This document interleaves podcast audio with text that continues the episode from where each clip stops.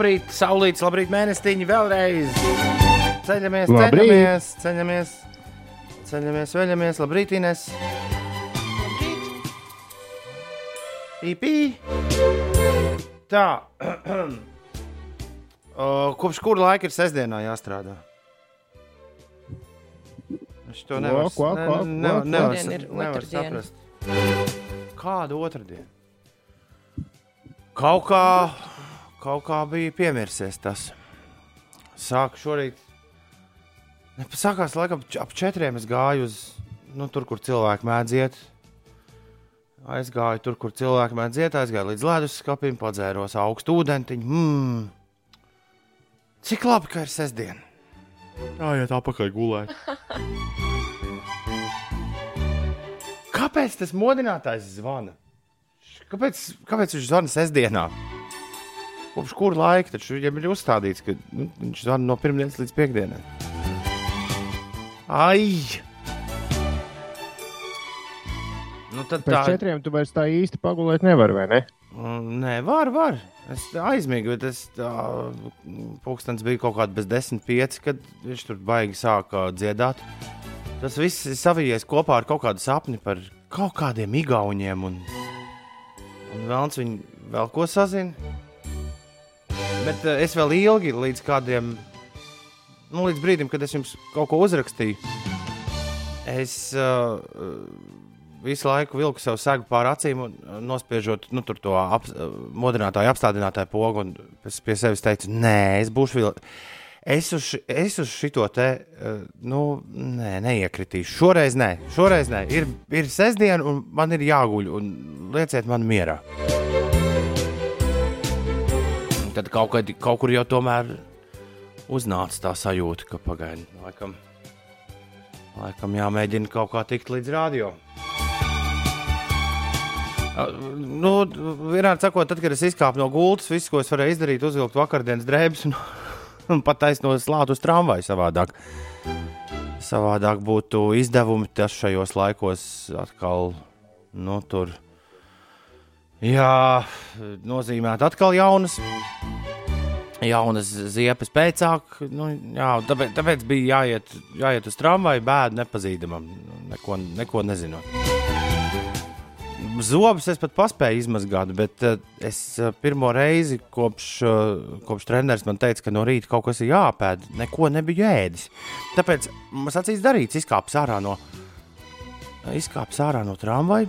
Domāju, kas gan var būt labāks kā mūsu nu, kādreiz leģendārā tradīcija - pierādziņa otrdiena.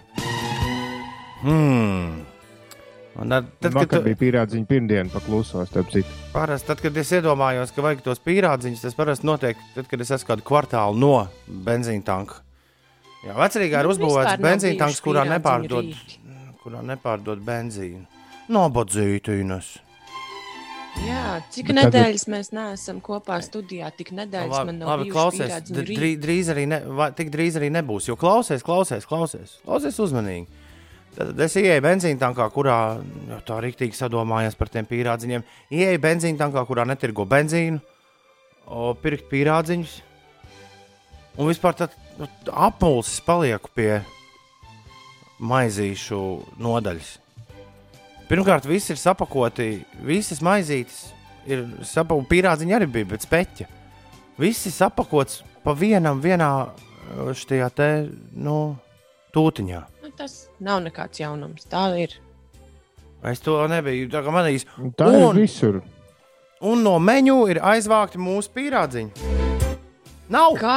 Nu tā nav! Es domāju, ka izpirkt, jo, jo es vēl nesen redzēju. Nu, Nav! Vai tu apmainījies benzīna tankā, cik tā. Tad es šeit būtu 6.30. Ja es būtu sācis runāties ar pāri, oh, kas jūs šodien labi izskatāties. Jā, jā it kā būtu gulējis ar kādu stundu. Kas pa tā par liekvārdību? Tā kā paprast savu svarīgo jautājumu un viss. Tad viņš pilns ir ar visādiem zombijiem. Tad tie vēl sāks gribēt pa vidu runāties. Nā, tā nu ļoti apmulsis. Es vēl noskatījos uz kolas to ledus skati, bet eh, atmetu roku. Un, un te nu es esmu ar tukšu vēderu kopā ar jums. Ņemiet par labu! Eh, šis raidījums tiek eh, katru rītu pārraidīts jā, radio viļņos. Paldies visiem, kas to klausās. Viņš tiek arī ierakstīts uh, lentē, un šī lente griežas uz rīņķa 24 stundas diennaktī mūsu atkārtojuma mašīnā, kuras nosaukums ir rīti.5.lv. Tur šo raidījumu var klausīties, kad vien, kad vien sanāk pamosties. Un tad ir modernā iespēja klausīties mūsu podkāstā. Proti, no raidījuma ir izgriezts ārā. Tas parasti notiek pāris stundas pēc tam, kad ēteris ir beidzies. Tiek izgriezts ārā uh, visas uh, dziesmas, kuras mēs spēlējam, un viss, ko mēs esam runājuši, tur paliek. Līdz ar to sanāk nu, tādi, tādi rīktīgi runas plūdi un, un katru dienu. Un, uh, ja mēs runājam, ja mēs runājam par visu Latvijas podkāsteru ja kopīgo ģimeni, tad man liekas, tik daudz runājošu saturu, kā mēs piegādājam Latvijas podkāstu sfērai. Nepiegādā it neviens cits. Palēnām mūs sāk tā kā pamanīt. Latvijas leģendārākajā, bieži vien top numur viens podkāstā bija vaļā. Mēs esam pieminēti jaunākajā sērijā. Vēlties dzirdēt? Ines un Ulu? Jā, un jāatzīst, ka šī būs pirmā reize, kad es dzirdu bīzu vaļā. Es ceru, ka tu dzirdēsi, jo nu, tur Džekija Edgars Bāliņš ar draugu. Viņi bieži, bieži ir sajūta, ka viņi nezina, kur mikrof mikrofonā jārunā ir iekšā. Bet, eh, jā, uh, mēs esam pieminēti Latvijas leģendārākajā podkāstā. Uh, es domāju, vai kontekstu kaut kādu iedot. Nu, ja jūs nesapratīsiet, tad prasiet man. Es, jo, es, jo es paklausījos arī pusminūti pirms un pus, pusminūti pēc. Bet tagad. Uh, Edgars Bāliņš draugs būs tas, kurš mūsu dzirdējis. Klausieties! Es klausījos kaut kādā piecēlē, kad tas um, grēviņš, Valens Fojaks un tā sieviete. Viņam, es noklausījos vienu epizodi, viņa, viņa ielikās Spotify. Tagad. Viņam bija sežas, ka viņam bija tāds, oh, nu, tāds uh, smieklīgās, uh, da, uh, smieklīgās dzējoļi vai dāņas vai kainsavs. Tā kā līdzīgi tavējiem, ko tu lasīji, tā kā jāņa dzējoļi. Bet, viņiem bija tāds, oh, es, Jānis aizņēmās bankā. Un tagad, nezinu, gados, es vienkārši atceros, ka viņš teica, ka Džeks aizsūta savu ģimeni uz veikalu, pats aiziet pakaļ, bet Emīlijas Utrēp kā apēta 100 tonnas gaļas. Tagad salīdzinoši kāds rādio, kas skan kāda, nu, melnē dzīvoļa. Augstāks līmenis. Es ceru, uh, ceru, ka bija vairāk kļūst par tādu tradīciju, ka mēs katru gadu pirms Jāņiem. Pirms... Tas ir arī viss. Bet uz kuru mūsu rubriku vai uz dzējām? Uz dzējām. Nē, acīm redzot, pareizi. Labā ziņa, ka viņš ir ilgi klausījies, jo dzējas, viss mūsu podkāstā ir lineāri. Dzējas parasti ir jau pie kaut kādas pirmās, pie otrās stundas. Nu. Uh, jā, Nē, tas bija par dzējām. Droši vien dzējas pirms jāņem. Nu, otrdien, tad, tad acīm redzot, otrdien pirms jāņem. Bet, nu, eh, eh, jo Bāliņš arī esot dzējojis, un tad sanāca nu, tas, ko viņš mēģināja teikt, à, ka mēs esam kā tā kā, ar, nu, ka baigi forši, ka viņiem ir podkāsts, bet patiesībā viņi runā tieši to pašu, ko par rādio. Nu, tā saka, nepalaiž to, to jostiņu vaļīgāk. Kā acīm redzot, Latviju podkāstu ar saimnu ir ieradusi darīt. Jā, viss, ko es varu pateikt pēc šī fragmenta noklausīšanās, ka es, es esmu bijis ļoti slinks latviešu podkāstu klausītājs, bet bija vaļā. Man ir nu, viens no tiem, kuru es kaut kad noteikti paklausīšos. Vienkārši nu, kaut kā nesanāk visādi ārzemē, tur pa vidu un pašam rādio un kas. Un, un, un, jā, un, un es ļoti labprāt paklausītos, ko Bāliņš ir tas otrs puisis Smej... ņems. Smējieties vien! Smējieties vien! Podkāsteri par to, ka mēs te. Ja, uh, radio. Es nevienu visiem... vien brīdi, ne, nevienu brīdi nejūtu, ka tur kāds smietos. Visi, visiem vecumiem. Man arī nelikās, ka smējās par mums. Ne, runa bija par to, ka mēs visiem vecumiem draudzīgu saturu, te saprotu, tagad pludinam iekšā. Nepietiek Jā. ar to, ka rādio jau ir. Tagad ir arī podkāstos. Bet, nu, klausieties, nevajag. Kāds no jums būtu? Tu kaut ko nepareizi nu, ko? tur no, nolasījis. Kāpēc? Man liekas, ka Toms līdz galam nav pateicis vēl savu domu. Jā, mana, doma, Jā, ne, mana doma bija tāda, ka nu, vismaz mēs runājam mikrofonos iekšā. Es nezinu, kāpēc. À, nē, man liekas, ka kādu tādu tādu. Jā, jā. man liekas, ka neko sliktu jau tur nepateicis par, par tām dzējām. Ah. Labi. Labi, ka, labi, ka dzird, un uh, jā, žēl, ka, jā, diemžēl mēs esam bijuši pārāk. Nē, labi, ka kāds no mums ir paklausījies. Es tikko, es toties tā, kamēr skatījos uh, Spotify top, es sapratu, ka mēs esam uh, tajā topā zaudējuši kaut kam tik ģeniālam, kā Dunkas tāds jau paspēja aizvērt. Tur katru dienu mainās tie topi. Nu, jā, bet Es apmēram neatceros. tas Es dēļ. vienreiz laikam mēģināju arī bija vaļā klausīties. Atšķirībā no, atšķirībā no radioreitingiem, kur mainās reizes trijos mēnešos, tur vismaz viss mainās katru dienu. Un vienu dienu, ja tu esi lejā, tad kādu dienu tu esi augšā. Jā, bet nu, lielos vilcienos tas uh, top augšdaļa tur, augšdaļa tur tā, nu, visu laiku figurē apmēram vieni un tie paši. Bet mēs esam uh, smagi atpaliekam no palēninātām un reverbētām dziesmām. Slow and reverb. Ak, Dievs! Tas nav vietējā radītāja podkāsts, tas ir Ārprāt. kaut kāda ārzemnieki. Tie ir top sešniekā iekšā. Mēs esam kaut kur zem tam, zem tā. Kāds to tiešām klausās? Un kā izrādās, jā. And Vairāk nekā mūsu podkāsts. Es teicu, šajā sakarā dzirdēju lielisku stratēģiju TikTok kontam, kas strādājot. Tu nofilmē, piemēram, 30 sekundes, kā tu spēlē absolūti neinteresanti kaut kādu, jebkādu datorspēli. Un ieliec TikTokā un dabū, nu labi, tas Anglijā notika, un dabū 90 tūkstoši skatījumu. Ieliekot video, kurā vispār nekas nu, aizraujošs nenotiek. Bet uh, es svētdien uztaisīju, mēs ar Evertu uztaisījām TikTok video, kurā mēs spēlējam Beiblaidus. Un es paliku, nu, tiesa šī brīža pasaules populārāko dziesmu fonā, kas ir uh, šis te The Baby Rockstar. Šitas, šis gabals. Brand new Lamborghini. moving up. Ja, šitas.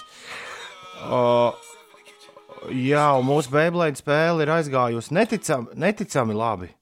Tas ir visu laiku visskatītākais TikToks mūsu, mūsu TikTok universā. Mēs drīz sasniegsim desmitu. Ah, nē, meloju. Visskatītākais ir vakardienas izgāšanās ar mentos un kolu. To tu mēģināji. Jā, bet to, bet, bet, bet, bet tā, to, to, to mēs noliekam. Tas ir atlikts uz rītdienu, jo rīt ir jau no vecāku rīta. Ah, labi, jā. Tā kā uh, klausieties šo podkāstu vai radiorādījumu arī rīt, un jūs uzzināsiet par mentos. Ui! Jā, mentos un kola ir nepilns dienas laikā gandrīz 10,000 skatījumu savākuši. Bet uh, ļoti labi ir gājis arī mūsu Beiblade video, kurā nekas nenotiek. Mēs vienkārši Nu, pā, tas ir tas, ko es saku. Jā. pātrināt spēlējam Beiblaidus. 2,5 tūkstoši skatījumu, 57 sirsniņas. Es esmu iesācējis TikTokā, bet šis ir liels panākums. Nu Jā, acīm redzot, tur men, mentos, mentos un kola tur uzreiz ir iekodēts TikTokā, kā wow, uzreiz mega skatījumu. Jā, bet es vakar ļoti rūpīgi mēģināju atrast mūsu maskarpones uh, skaņu un atradu tikai vienu dāmu, kas bija pati to skaņu pie tam ielikusi. Un pēc tam uz tās viņas skaņas tur kādi trīs vai divi cilvēki bija mēģinājuši kā vi, ar viņu veidot sarunu. Nu, kurā viens ir tas zvanītājs, kas prasa maskarponi, un otrs. Tā kā nu, trīs video, laikam, jā, varēja būt labāk. Es varu uztaisīt uh, jaunu, kurā es tikai runāju, un tad cilvēki varēs uh, Tā tu vari sevi, ie- duetus. bet tad, bet tad ieliec pats skaņu, jo pēc tam to tas, tavu skaņu tad var citi tur izmantot. Mm. -hmm. Es gan nezinu, kā to izdarīt, bet gan jau kā var. Uh, Jā, bet in, interesanti, ka tā arī par, par TikToku es uh, klausoties angļu radio biju uh, pārsteigts par to, kā viņi rēģēja. Viņi bija dzirdējuši, ka, nu, ka, teiksim, ka DJs vēlas un neko nesaprot no TikToka. Viņi bija sazinājušies un piedāvājuši vai no ēterā, vai no ārpus ētera lekciju. TikToks pats. Kā, kā jā, pats TikToks. Viņam diezgan spēcīgi piāristi gan uh, Anglijā, gan Amerikā. Viņi centās vienu brīdi pārtaisīties par uh, rietumu pasaules uzņēmumu, lai gan nu, tur ķīnieši to visu dara. Jā. Jā, un, un, un, jā, un redz, kā viņi dzirdējuši, ka kāds kaut ko nesaprot no TikTok, un uzreiz sazinās. Mēs jums varam piedāvāt uh, apmācību. Varbūt var arī ēterā. Varbūt var arī ēterā. Tas, kas ir rīktīgi stulbi, ka viņa pati kā aplikācija ir limitēta. Nu, tad, tad, to es diezgan ātri sapratu. Proti, vajag, vajag nu, visādas citādas, tā kā tev ir telefonā, video veidošanas aplikācijas. Bet es nu, nejūtos kā ļoti spēcīgi. Nu, pareizi, man tas maz interesē. Nu, taisīt, Tas prasa taisīt laiku. vidīkus, vai ne? Līdz ar to, kā man sanāk, tā sanāk. Piemēram, mans mentos video ir, ir ārprātīgs, eh, nu, ārprātīga pašdarbība. Bet redz, ka strādā. 386 cilvēku sirsniņas ir nospieduši. Pastāstiet man, lūdzu, TikToks ir tā aplikācija, kurā nu, viss ir uh, kārtībā, kas neiegūst nekādus neatļautus datus no tava telefona. Nē, nē, nē, nē. TikToks iegūst ļoti daudz neatļautus datus. Un ta, tas kaut kā, jā, paslīdēja. Nu, Kāda tas bija- starpība mēs tāpat nomirsim visi? nu, bet tā Kāda ir. starpība vispār likt kaut kādus video TikTokā? Uh, Nē, tas, tas lielais skandāls bija tas, ka viņi uh, līdzīgi vēl diezgan daudz aplikācijām izrādās iegūst visas, visus to informāciju, ko tu nokopē.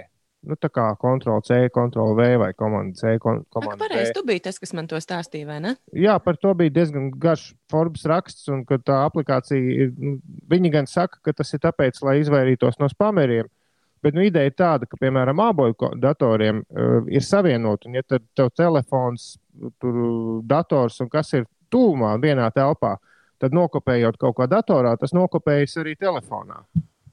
Un jebkuru tekstu, tā skaitā visas tavas paroles un internetu banku kodus vai banku kontus, tikko kā tu viņu nokopēji, tā viņa automātiski sev saglabā arī TikToks un vēl dažas aplikācijas, lietotnes.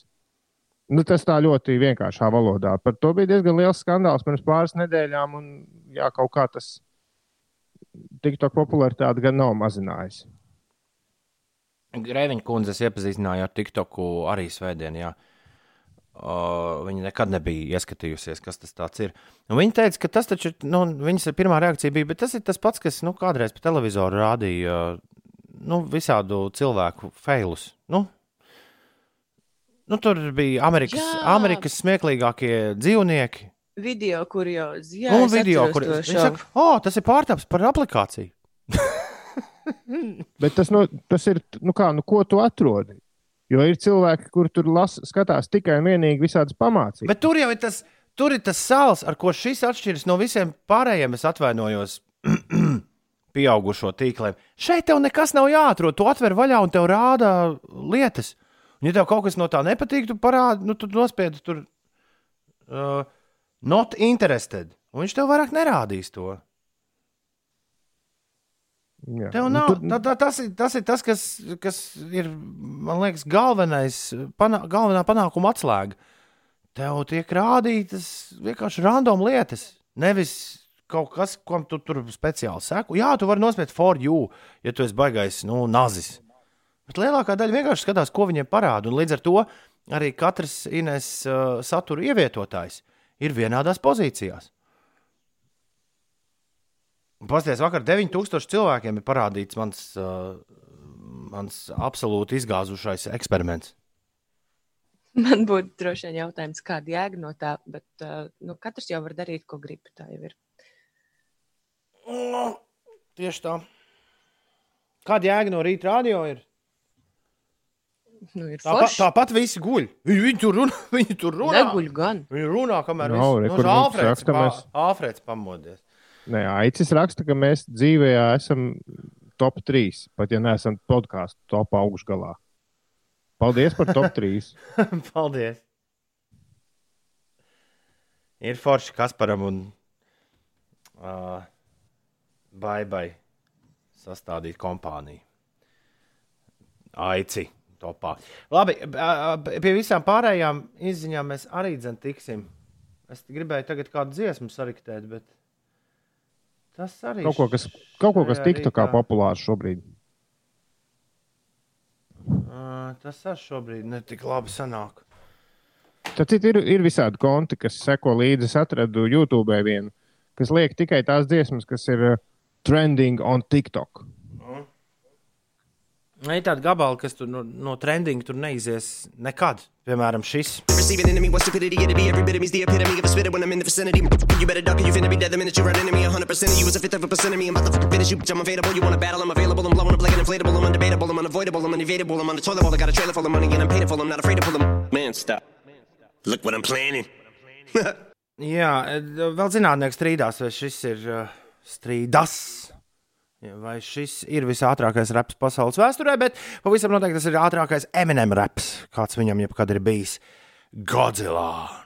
Ja nemaldos, gabals ir priekš Venom filmas taisīts. Vai arī kāds cits Eminem gabals bija priekš Venom filmas. Jebkurā gadījumā ir 6,34. Labrīt! Ir otrdiena, 7. jūlijas, šeit 5 LV. Labrīt!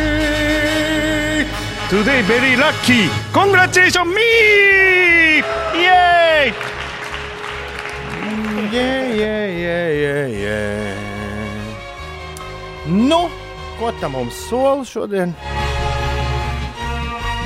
Meteorologs, meteorologs uh, vides geoloģijas un meteoroloģijas centrs ziņo, ka šodien dažviet neliels īslaicīgs lietus būs. Dienvidrietumu vējš vēl priekšpusdienā piekrastes rajonos brāzmās līdz 15 metriem sekundē, un maksimālā gaisa temperatūra 1 plus 16, plus 20. Tas bija rīt Jānis, kurš prasīja, kurš ir ieslēdzis ziemu. Bet uh, man liekas, ka pilnīgi dumšs jautājums. Es tieši nopriecājos, ka oh, vēl joprojām silts, iznākot ārā no mājas. Un, lai arī esmu ģērbies tikai vienā tādā puskraklā, pusdžemperī, nevienā brīdī šodien mm, ceļojot uz darbu, nebija sajūta, ka ui, nu gan ir augsti. Tā, ko mums rāda? Garie tagad te, mm, sāksim varbūt ar šodienu. Šodien di- būs šāda apmākusies diena, man rāda, tā kā pilnīgi apmākusies diena, bet uh, pagaidām par to nekas neliecina, skatoties galvaspilsētā mākoņos. Ļoti jauks dienas sākums ir pagaidām. Bet apmākusies diena bez nokrišņiem. Rītdien ir kaut kāda nokrišņa te gaidām. Oh. Jā, ceturtdien ir gaidām kaut kāda nokrišņa. Ui, un sestdiena izskatās, sestdienas pirmā puse šobrīd izskatās rīktīgi lietaini. Varētu tos mākoņi tomēr uz piekdienu pārvākties. Turpinām skatīties, kas nu būs. Labrīt, piecīši. Jauku jums dienu, un visiem mums arī dzird. Vineta raksta. Tiešām cerams, ka varēs šovakar uz jūru vakarā braukt, lai vērā, vērotu saulrietu. Nu, cerams, ka nebūs apmācies tas saulrietis, jā, Vineta. Krustojam pirkstus, lai tev tas izdodas. Nu, tā Vineta ir uzrakstījusi fingers crossed, tad ir jākrusto. Māris raksta, klausos jūs, un šobrīd nesaprotu, kā es esmu vēl dzīves, jo man nav Twitter, Instagram, Snapchat, TikTok. Dzīvoju ar veco Facebook. Jauku dienu visiem! Bet visiem jau nav jāsako līdzi visām aktualitātēm. Sociālo tīklu jau lieto tikai to, ko tev vajag vai nevajag. Jo No Facebook beigās jēgas arī nav, ja godīgi. Man tik ļoti nepatīk šmikšmoks, raksta Una. Tas ir visciešākais pierādījums cilvēka eksistences bezjēdzībai. Arī tu, tu vari pie. Tu vari pie. Nē. Skarbi. Arī, arī tā tik skarbā vecumā, kā man ar ziediņu. Tu vari pieiet lietām tā, ka, o, ārprāts. Nē, es saprotu, tajā brīdī, kad es sāku, tu, ja es ielikšu tur kaut vienu deju, tad lūdzu nošaujiet. Nē, nē, tā nē, bet nu, tad, tad, tad oficiāli es sāku jūgties nost. Bet eh, tas, tas, un tas interesantākais ir tas, ka tajā brīdī, kad tu sāc tur kaut ko rakties, pēkšņi saproti, ka nu, tāpat kā cilvēki, nu, tur ir pilnīgs mēsls, tur ir uh, vis kaut kādas, vis kādas muļķības, Tad tur ir visādas lietas, kuras visādi izaicinājumi, un tad pēkšņi saproti, ka tur ir arī nu, rīktīgi jēdzīgas lietas. Ne tikai, Nezinu, kur tu tur esi kaut ko jēdzīgu redzējis. nu, kā visas, tur ir ļoti labas, uh, visādas uh, humoristu padarīšanas. Tur ir uh, miljonus pamācības, kā visu kaut ko izdarīt. Tur ir cilvēki, tur tiešām cilvēki dara ļoti, nu, amazing things. Jebkurā gadījumā es uh, uz katru jaunu lietiņu, kur parādās, paskatos un padomāju, "Ah, ko, ko, ko es te varētu mm, sačakarēt visā tajā. Bet tu nejautā, kāpēc? Ko kāpēc? Nu, kāpēc es te varētu kaut ko darīt? Par, ar TikTok ir pavisam vienkārši. Ja tu strādā ar jauniem cilvēkiem, ko jā, nu, kā, apkalpo viņus dažādās, dažādos veidos un dažādās sfērās, tad tev tur ir jābūt un viss. Man liekas, ka mēs jau pirms kāda pusgada secinājām, ka TikToks tev ir bērnu, nu, dēlu pasākums. Arī. Nezinu, man liekas, mazliet mulsinoši tādi pieauguši nu, es nerunāju tieši par tevi. Tā kā tu tur esi, tāpēc, ka tev arī parasti mazie ir kopā ar tevi. Bet atsevišķi Latvijā, nu, zināmi vīrieši vai pieauguši cilvēki, kas ir tik tā kā tas, man liekas, mazliet tā, mm, ko jūs tur darāt? Mazliet mulsinoši. Heiteri. Jā. Diemžēl Nē, jāatzīst. Heiteri? Ka visi tie video, ko es savulaik taisīju, bija tāds servis vainu, kur varēja taisīt cik 6 sekundžu video. Laikam. Un es tur liku iekšā, man bija kā sagriezt tomātus, nu, noliec tomātus starp diviem šķīviem, saspied un tad ar nazi pa vidu tā šņik. Un kaut kas man bija par arbūziem. Diemžēl jāatzīst, ka gandrīz viss, ko es esmu savulaik līdz svaidā, ir nu, precīzi TikTok saturs. Tagad gan kaut kā liekas muļķīgi tur kaut ko likt. Nu. Labi, mēs to tavu pirmo deju sagaidīsim un tad parunāsim. Ir 6,43. Ir otrdiena, 7. jūlijas. Labrīt, Ines, kas notiek? Jāapsveic beidzot tie 12. klases skolēni, kam vakar noslēdzās izvēles eksāmenis informātikā. Jā, viss eh, mācību gads viņiem ir noslēdzies. Un uh, vispārējās izglītības certifikātus tie saņems 24. jūlijā, bet jau 31. augustā mācību gads atkal sākas. Latvijas dzelzceļš atklās drošības kampaņu Nēsi pārbrauktuve nopauzē pirms dzelzceļa, kuras laikā aicinās atcerēties par drošību dzelzceļa tuvumā. Un no šodienas līdz 29. augustam būs spēkā Rīgas domas ārkārtas vēlēšana oficiālais aģitācijas periods. Bet tie, kas vēlas pieteikties darbam vēlēšana iecirknī, to var darīt līdz 17. jūlijam. Vēlēšana iecirkņa komisijās nedrīkst ievēlēt deputātu kandidātus, kandidātu sarakstu iesniegšanai pilnvarotās personas, kā arī saimas un Eiropas parlamenta deputātus. Tie, kas vēlas darboties vēlēšanu laikā, vēlēšanu iecirknī, tiem cilvēkiem ir obligāti jāzina latviešu valoda un ir jābūt vismaz vidējā vai vidējā vispārējā izglītība. Par ārzemēm Brazīlijas lielākajā pilsētā Sanpaulu tika atļauts atkal atvērt bārus un restorānus, kas vairāk nekā simt dienas bija slēgti jaunā koronavīrusa dēļ, un ASV paziņoja, ka neļaus palikt valstī tiem studentiem ārzemniekiem, kuriem rudenī visas lekcijas būs organizētas tiešsaistē Covid-19 krīzes dēļ. Kurā valstī? ASV pat tā pateica, ka tie studenti, kuriem aizvien rudenī būs jāmācās attālināti, tiem draugiem būs jādodas uz savām valstīm. Jā, es dzirdēju no viena ASV studenta, kā arī finansējumu griežot nost. Nu, par to finansējumu. Nu, kaut kādu to naudu, kur tev kā tādu, nu, kad ja tu studē attālināti, tad tev dod naudu savādāku to Nu, kas tā stī, stipendija? Stipendija. Jā, jo tu netērē pie tēvoča semu viņu. Tu viņu tērē pie paposiem kaut kur. Es savukārt apmulsu Ines, kas sākas 30. jūlijā, sākas mācības. Nē, iestāja eksāmeni. 1. augustā. Kāda ah, iestāja eksāmeni? Es vispār neko tādu neteicu. Es stāstīju par Rīgas domas vēlēšanām, Līdz 29. augustam ir ārkārtas vēlēšana oficiālais aģitācijas periods. Bet līdz 17. Nē, nē, par, jūlijam. Par skolēniem, kuriem ir beidzies mācību, kuriem eksāmenis ir 24. Pēdējais. jūlijā dabūs uh, viņi savus certifikātus. Nu, balva būs. Nu, nē, nu, kāda balva izlaidumi jau ir bijuši. Papīru dabūs 24. jūlijā. Kā izlaidums pirms papīra dabūja? Tā tagad ir. Jā. Sarežģīti. Uh, ir klausieties, pienācis tas laiks, ka ir pirmkārt ir otrdiena, otrkārt ir jā, pienācis īstais otrdienas laiks, kad būs džēzā. Tikai.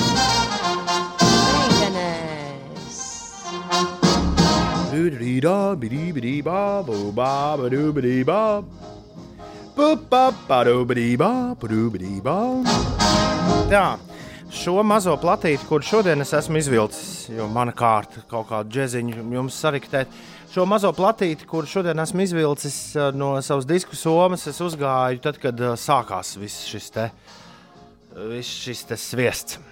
Un uh, platīte uzrunāja ar ļoti precīzu nosaukumu. Oh, platīte sauc Good Songs for Bad Times. Labas dziesmas sliktiem laikiem. Un tā es iepazinos ar Lizzie and the Triggerman. Lizzie and the Triggerman ir desmit ļaužu uh, liels uh, big bands, kas nāk no Losandželosas.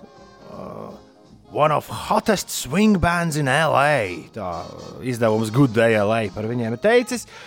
Un, protams, viņu šīs, šī big banda priekšā ir viena tāda riktīgi femme fatale dīva, kur ir tā Lizija. Un tad viss vis pavadošie čaļi ir The Trigger Man. Un tāda sajūta, ka viņi banketos līdz šim spēlējuši, bet tieši Covid-19 ir likuši viņiem tā kā saņemties un arī, arī, arī kaut ko kaut ko beidzot izdot. Uh, un, un tā, nu, tā šī debijas mini-platīte ar sešiem skaņdarbiem uh, nonāca manā redzeslokā, un es par to ļoti sapriecājos. Tāpēc, ka šīs labās dziesmas sliktiem laikiem nav cover versijas, kā ieraugot šādu ansamblu, varētu iedomāties, bet gan ļoti jaukas oriģināla kompozīcijas. Un šo platīti noslēdz uh, viens tāds gabals, par ko es iedomājos, nu, ka tādam ļoti laiskam rītam. Es ceru, ka kādam no jums nav šobrīd pa galvu, pa kaklu jāsteidzas uz darbu. Kāds sēž uh, pie kafijas tases, pamodies vēl, viņš sazina, kāpēc. Nu, tā mēdz būt, ka tev uzrauj vai ne augšā. Es pamodies, un tagad skaties pa logu ārā un domā, nu, ko nu šodien sadarīt. Tad man liekas, ka šādai sajūtai šis gabals, kuras tūlīt uzlikšu, ir tieši uh, kā reizi paredzēts. Lizzie and the Triggerman, džēzā tikai meitenes, un uh, šodien skan Translucency. Tā sauc šo gabalu - Translucency. Aiziet!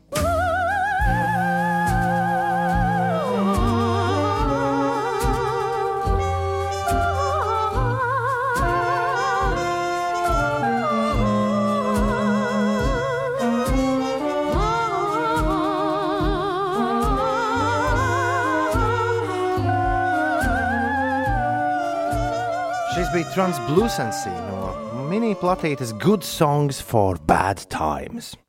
Ir 6,53. Kurš izskatīgāks? Ines, ģērbts vai inters? Mm, kas par jautājumu? Es ņemšu uh, Interu. Ģērbts apvainosies. Divus. Tad. Nu, cerams, ka viņš guļ.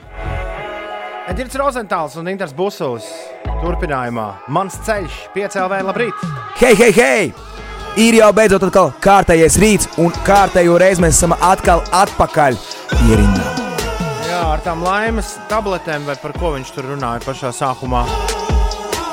Esam modušies visi un sākam šo dienu.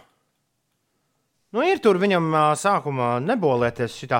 Ir viņam, viņš tur saka, šīs dziesmas sākumā. Man dažreiz vajag tikai noiet malā, pasēdēt, ieelpot mierīgi tā bez plāna. Es gribu doties gulēt, gribu aizvērt acis, bet domas galvā virpu. Tūlīt viņš modī, modīsies. Kāpēc tas liktenis ir tāds, un kur mēs tālāk dodamies? Kas ir tās laimes tabletēs uz mēles, kad mēs mostāmies? Kas ir tās laimes tabletes uz mēles, kad mēs mostamies? O? Man īsā pieredze ir mācījusi, ka dziesmās un dzējā nevienmēr viss ir burtiski. Mm. Jā, es piekrītu Uldim. Labāk nešķitināt. Un mēs jau pagājušajā nedēļā noskaidrojām, ka mēs ne, nezinājām, kas bija metāfora un kas bija alegorija. Otrajā šajā upē labāk nekāpsim. Jānis Jānis saka, ka tās tabletes ir kotletes. Kotletes nes laimi, jā, tas gan. Ines, tu varētu šodien likt mums par kotletēm dzējot. Jo, Pareizi, dzējas otrdiena. kā teica Bāliņa draugs, tagad būs līgo, ja? Dainas, modernās. Nē, es izdomāju, es izdomāju, par ko jūs dzējosiet. Labi, vēl nesaka, vēl nesaka. Tu par to pēc, par to pēc kāda laika. Bet jā, mums plānā ir rīta dzējas, kā te otrdienās ir ierasts. Pandēmijas laika dzēju grāma, dzējas grāmatu kaldināt. Tā mums būs dzējas, tad mums būs. Uh, kam ir otrdienās? Jā, skatās TV, pareizi, jā, televīzijas skatīšanās mums ir. Šodien ieplānota interesantas ziņas un vēl viss kaut kas.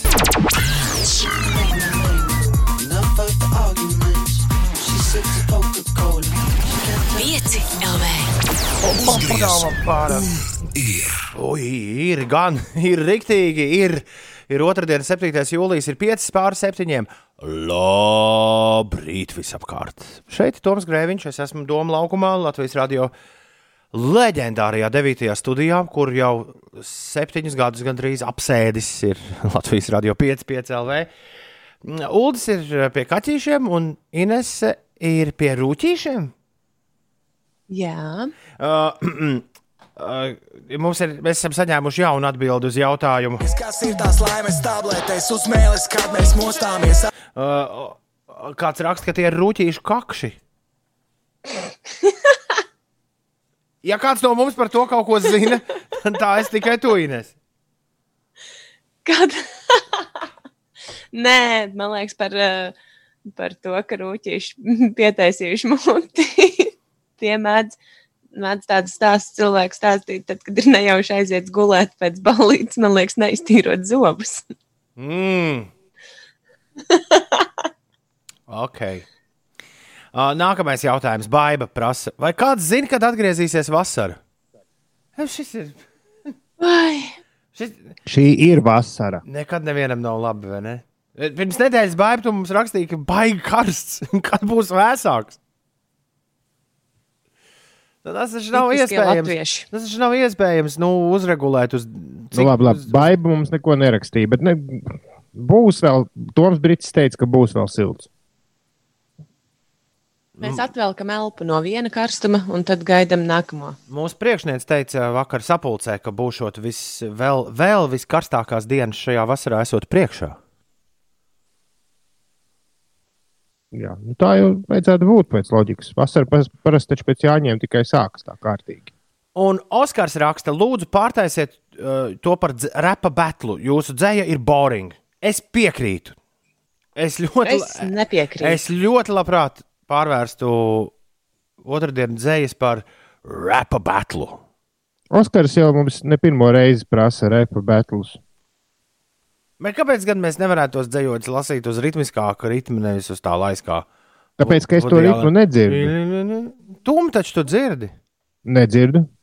Vai tu kaut kā uztver to ritmu? Nē, nu es, Pulks, es man liekas, sākumā ir dzirdu. stāstījis visas šīs 17 vai cik nu nedēļas. Vai tu, Es- tu, es tu, runāju- Toms domā, ka viņš tomēr dzird. Tūmim viņš trāpa ritmā. Tāpēc, ka tas rit, nu kā nu es dzirdu sākumā, un tad, kad es sāku runāt, es, es skanu vēlāk nekā tas, tā mūzika skan, bet uh, kaut kādā ritmā tas sanāk, bet tas skan, nu, es jau nedzirdu. Man nav sajūta, ka es runāju ritmā. Un tās teiks, prasa, kas ar to Ineses repčiku? Šis viss, draugi, mīļie, ir atlikts līdz brīdim, kad no abiem diviem būs ļauts man tuvoties. Bet es sāku lēnām justies tā kā tāda, nezinu, nezinu kādā sarkanajā grāmatā ierakstīts subjekts. Jo man nevienu nelaiž klāt. Beidz glaimots. Nav jau tas tikai tevis dēļ. Jā, piekdien mums bija sapulcs, tīri labi tuvojāmies viens otram. Mēs, mēs nevarējām, mums bija rūtīši krēsli iedot pie galdiņa, kurā mēs sēdējām ārā kafejnīcā. Līdz ar to es ierosināju, ka, nu, jā, ja kāds no mums sēdētu galdam pretī, tad uh, sanāktu uz tādu pavisam maziņu krēsliņu. uh, Sēdēt. Pēc tam tāda, nu, tā kā uz ielas sanāca tā, tāda tā kā nogāze. Līdz ar to tu arī visu laiku būtu sajūta, ka tu krīt uz atpakaļ. Un, lai nevienam nebūtu šīs sajūtas jāizjūt, mēs visi sēdējām rindiņā ļoti glīti. Tā kā tādi nu, seniori Itālijā. Ja jūs esat pa Itāliju kādreiz braukuši, tad viņi tur sēž mā, nu, zini, jā, pie mājas ārā. Nu, tas, lai var redzēt, visu, kas Tantes uz soliņa pie mājas ārā arī nu, sēž vienā tādā rindiņā. Jā, jā, mēs tieši tādā pašā rindiņā sēdējām un baudījām piekdienas vakara tveici. Jā, bija diezgan silts. Zeķkungs uh, trusis prasa, vai ķīseles no medūzām ir reāls ēdiens.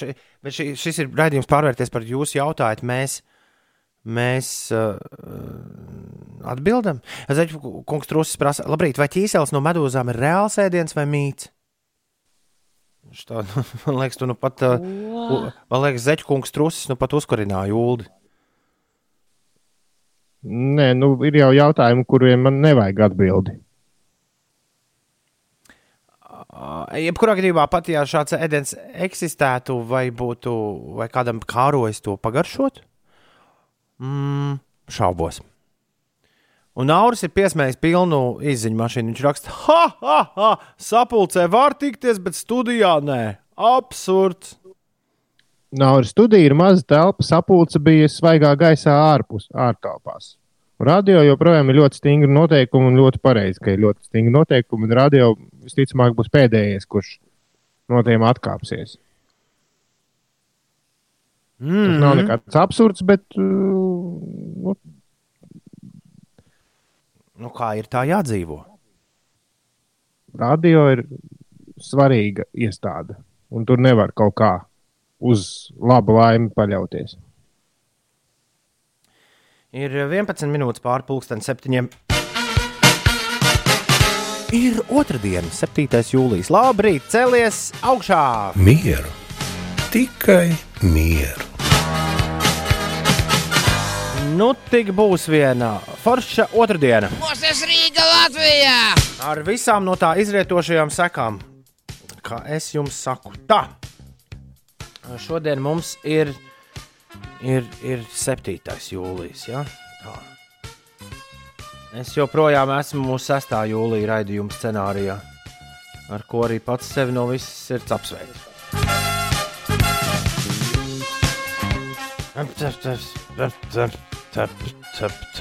Genesis 1, verse 1. In the beginning, in the in the beginning, in the beginning, yeah, in the in in, uh, in the in in the beginning, yeah, in in in the beginning, in the beginning. In, in, the be in the, in the beginning. Beginning, minging, uh, minging. Let's, let's minging. Uh, šodien nevienam nav vārda diena. Hip, hip, urā! Šodien tikai Emīls Balčers svin dzimšanas dienu. Uh, tas no Bermudu, nē, es atvainojos, mūzika, jā, solists Emīls Balčers. svin Ir, ir vārdu dienas arī. Uh, basistam Tomam Poišam ir dzimšanas diena. Uh, Britu bundzinieks Ringo Stars, viens no beatliem, kuram nevajag rakstīt vēstules. Es atceros, viņš vienreiz bija baigi pikts par to, ka viņam viss sūtīšanas. Viss pietiek! Bet uh, jā, viens no diviem dzīvu palikušiem beatliem, Ringo Stars, šodien ir uh, pie jubilāriem. Un mūsu bijusī kolēģe Linda Rūle arī svin dzimšanas dienu. Un Aldai un Marutai šodien ir vārdu dienas. Sveiciens Aldai, sveiciens Marutai! Ka- Ringo Stāram 80. Wow! Žēl, ka nevar balīt uztaisīt. Viņš jau pavisam noteikti nevar. Bija viena jubilāra, kuras nesapratu, kas tas ir. Tāpēc, ja kādam ir kas vēl sveicams, sveiciet un dodamies tālāk. Indrai uh, dziedātājai, kur šobrīd Lielbritānijā dzīvo. Daudz laimes. Gan jau kāds atceras tādu sarkano Indru. Tā bija no Ah, jā. realitātes šova. Talantu fabrikas. Indra. Jā, jā. Ja nebija vairāk Indra. Bija vairs nav. Nu, tad es vēl apsveikšu Edgara Peļņu dzimšanas dienā. Tas ir puisis, ko es pavisam nejauši satiku Kungslēdena takā. Izklausās, Edgars Pe... Viņš izklausās kā kāds supervaronis. Edgars Peins. Nē, Edgars Peļņa. Ah, Peņa. Okay. Edgar Payne, give me a pain.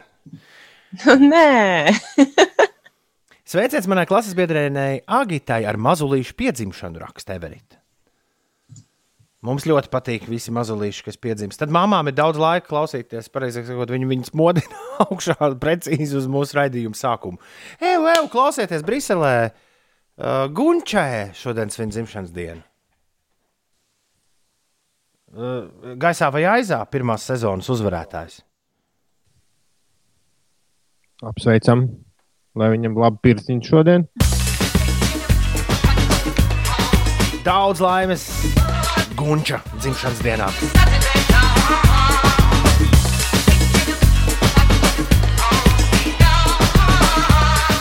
Nu, labi, vēl arī aizsūtīsim Agnesē Jaunzemē sveicienus, lai viss viņai forši. Un Ines, par ko mums šodien ir uh, jārepbatlo ar Uldi, ko Jā, dzējo visticamāk, nevis repa, bet lo. Bet labi, ja tu vēlies, tu vari arī repot. Uh, man iedvesmoja tiešām uh, Intera un ģirta dziesma, kur kāds no mūsu klausītājiem uzrakstīja, ka tās laimes tabletes ir kotletes. Un es iedomājos, ka jūs katrs varētu uzrakstīt pāris rindiņas par saviem mīļākajiem ēdieniem. Nu, kas katram ir mīļākie ēdieni? Uh, šis būs labais!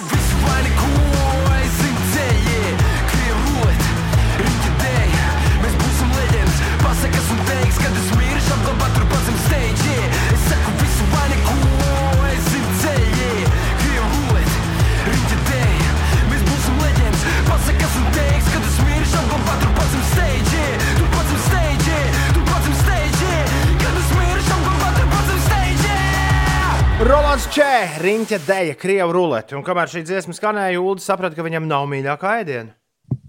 Nē, man, nav, man ir daudz mīļākie ēdieni, bet man nav tādas uzreiz atbildes. Man bija rītīgi jāpadomā. Bet tu izdomāji, kas ir, kas ir tavs Nu, kaut ko es izdomāju, jā. Labi. Tas ir labi. Ko um, mēs vēl jau nav, vēl jau nav dzējām laiks? Nē, nē, vispirms Ines, lai pastāsta, kas notiek. 7,22 ir pareizais laiks. Labrīt, Ines! Labrīt! Jā, šodien Latvijā būs daļai apmākušās debesis. Valsts austrumos saglabāsies biezāka mākoņu sega. Vietām īslaicīgi līs, un vakarpusē gaidāmas arī dažas lietus gāzes, iespējams arī pērkona negaiss. Putīs mērens rietumu, dienvidrietumu vējš, tā ātrums brāzmās sasniegs 9,14 m2, un gaiss šodien Latvijā iesils līdz plus 16, plus 20 grādu atzīmē. Rīgā caur mākoņiem parādīsies saule, iespējams arī šeit neliels īslaicīgs lietus, galvenokārt pievakarē gaidāms mērens dienvidrietumu vējš, pāries rietumu vējā un gaisa temperatūra galvaspilsētā plus 20 grādu. Par satiksmi ir, protams, izveidojies neliels sastrēgums uz A8, jeb šo Jelgavas šoseis braucot virzienā uz Rīgu posmā no Dalbas līdz Jaunolainē ir jākavējas 17 minūtes. Rīgas ielās eh, klusā iela ir eh, tur jākavējas 6 minūtes. Kruspils ielā posmā no Kaudzīšu ielas līdz Maskavas ielai jārēķinās ar 7 minūšu kavēšanos, bet citās ierastajās sastrēguma vietās viss ir mierīgi. Vēl par šodienu Latvijā 12. klases skolēniem noslēdzas mācību gads, bet izglītības certifikātus tie saņems 24. jūlijā.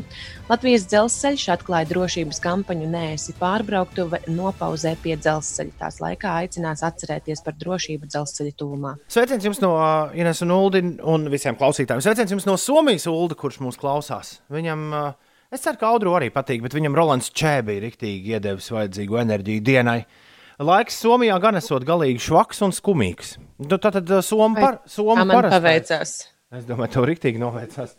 ar aizvadīto nedēļu. jo- Aiz, aizvadīto nedēļu Somijā. Jo somu uh, laiciņš man liekas, parasti ir švaks un skumīgs, nu, lielākoties skatoties uh, cauri gadam. Bet, nu, es jau neko nezinu, esmu tajā Somijā tik daudz, cik ULDS bijis. Bet, uh, Uldi, mēs te varam iepriecināt, tēvzemē viss ļoti smuki pagaidām, rā, pagaidām rādās. Lai arī bija, bija cilvēki, kur teica, pag, pag, pag, būs kā būs šodien, saule mākoņos. Bet nav tik traki. Kā tev Un dzējām? vietām īslaicīgi līs. Kā tev iet, Ulu, ar dzējām? Es mēģinu šobrīd izspiest trešo dzējoli, jo trešo četrindi, jo ir sajūta, ka iedvesma ir, bet varbūt arī ne, nevajag. Man ir gar, man ir tāds pagarāks dzējolis par izēšanos, bet viens pats. Tad es varbūt arī sāku. Labi. Ko jūs sakāt par tādu domu? Uh, jā, katru otrdienu Inês man un Uldim liek dzējot. Nu, tik, tik vien kā labam garstāvoklim, Inês, jā? Jā, kāpēc gan ne?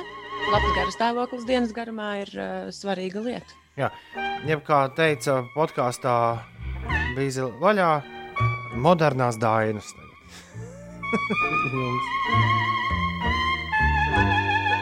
Šodien ēšanas temats. Ines teica, lai mēs uzrakstām par saviem mīļākajiem ēdieniem kaut ko. Nu, tad uh, viens dzējolis no manis. Uh, Viegli iemācīties pie eglītes šito skaitīt, starp citu. Jēri, paipalas un truši ir katlos šorīt ļoti ērti sagūduši. Jo agrā rītā pavāriņi jau piešķīluši uguntiņu, un tamdēļ smarža tirda deguntiņu, mmm, jūtu gaisā timijānu, pipariņu. Un vakarā, pirms saules rieta, ieradīsies izēdāja milzu grieta, tā glaunu šam. Tā glaunu šampīzeri sūtīs, un rotām klātu nēsdodziņu iekarinās krūtīs. Ak, tad tā ēdīs, ēdīs, ēdīs, un oficiants to blēdīs, blēdīs, blēdīs. Vēl šo, un šo, un tad vēl to. Viss šis kundze jums ir jāiztukšo.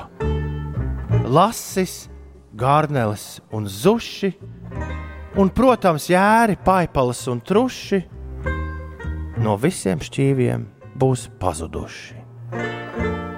Bravo, Tom! Šitāds, ne? Es aplaudēju tev. Man ļoti patika.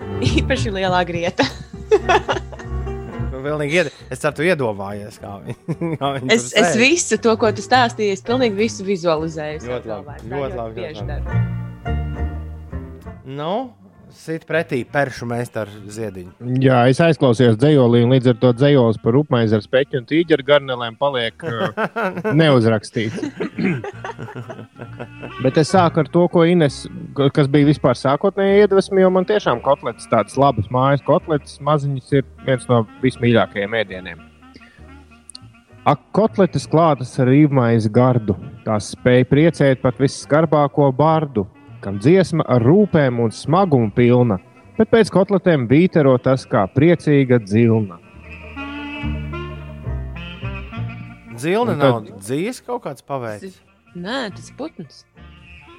Ah, ok. Jā.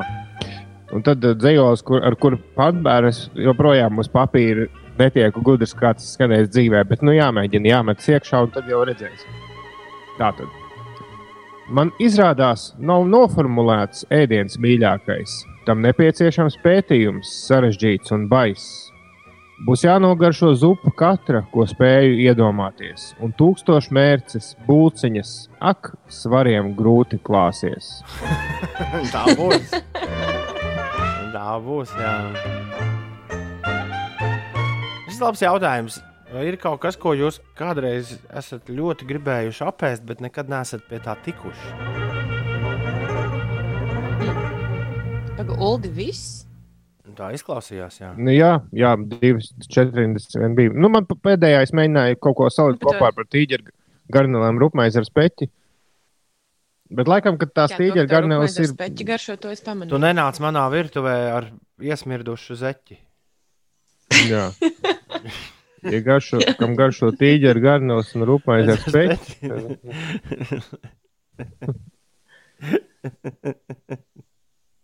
Jā, ēdiens, kas, ko bija, mēs ģe... esam. kas bija ģeķis? Tas Nu, tāds pamuļķis. Tāds, tāds. kam garšo rupmaizi, kam garšo tīģeru garneles rupmaizi ar speķi, tie patiešām ir īsti ģeķi. No, ko tu gribēji teikt? Ulu? Nē, par uz to tavu jautājumu es tagad domāju atbildi. Kaut kā ēdiens, ko mēs esam gribējuši, bet nekad neesam. Vai ir kaut kas tāds? Man ir grūti iedomāties. Droši vien ir. Man ir grūti iedomāties. Man, Es to zīvi gribētu kādreiz pagaršot. Vai tiešām tik laba ir? Kur to indīgo? Mm -hmm. To Mm. krievu, krievu ruleti! Viņa Tā tiešām tiešām laba. krieva rulete. nu, man ļoti. Ņu, ņu, es runāju reiz Ņujorkā ar Džeku, kurš bija ēdis. Viņš teica, ka esat izcili.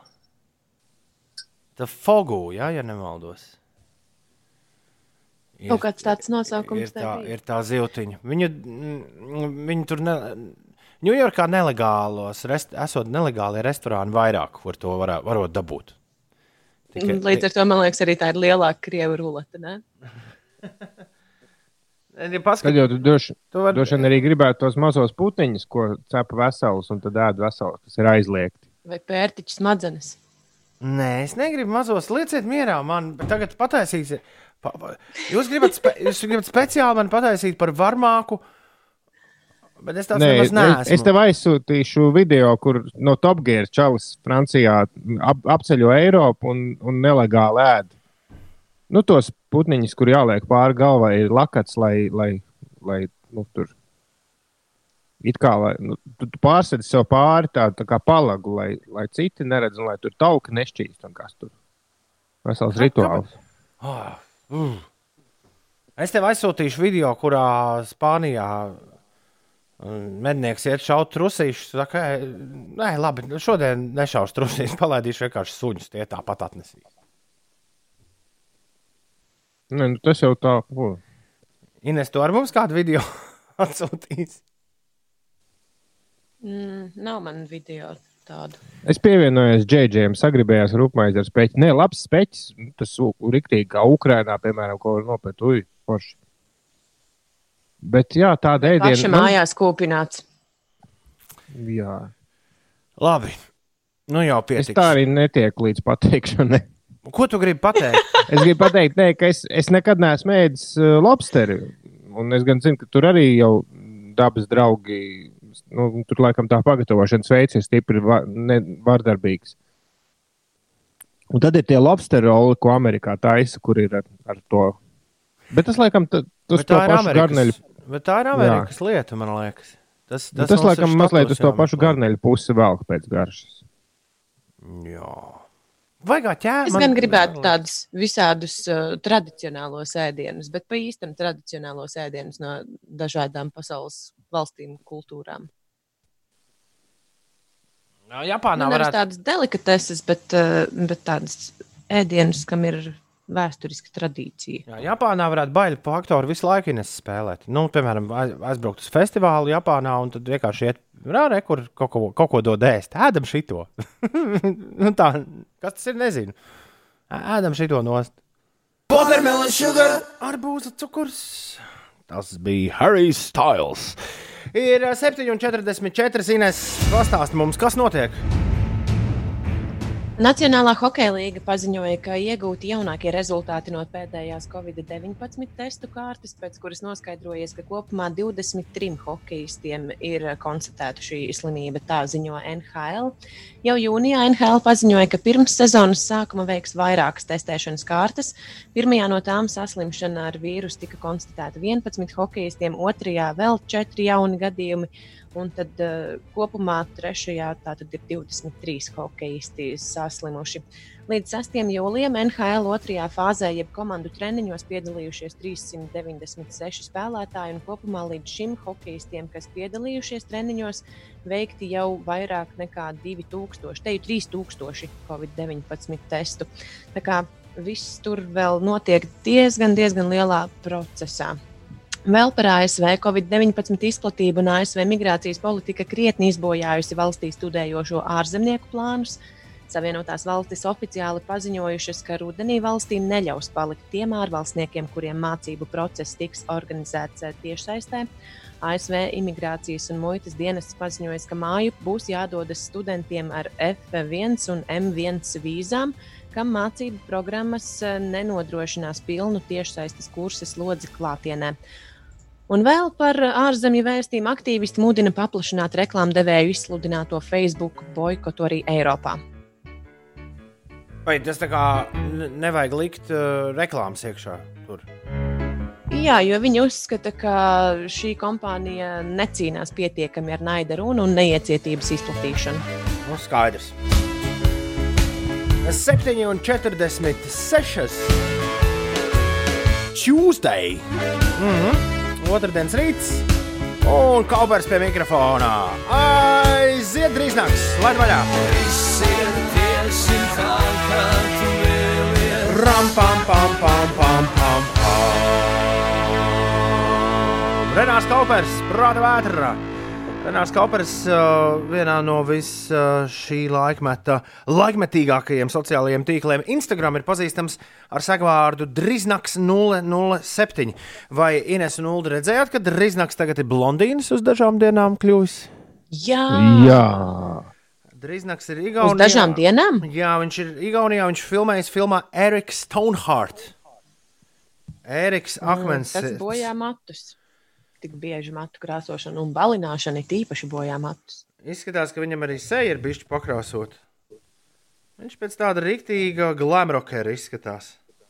Bet es nedomāju, ka viņš viņus krāsos. Nu, tā kā tos var taču atstāt pēc tam, kamēr izaug atkal tumši. Nu, taisnība, jā. Jo tas tiešām kaitīgi, esot blondus pēc tam tur atblondināt vai kā. nu Vienīgi tu kā ķēmis staigā apkārt, nu, kaut kādu laiciņu. Ā, Man liekas, nemaz tik slikti neizskatījās. Vēl ir iespēja uz nulīti nodzīt, ja nes ātri. tā. Man liekas, ka šī ir labāk nekā uz nulli.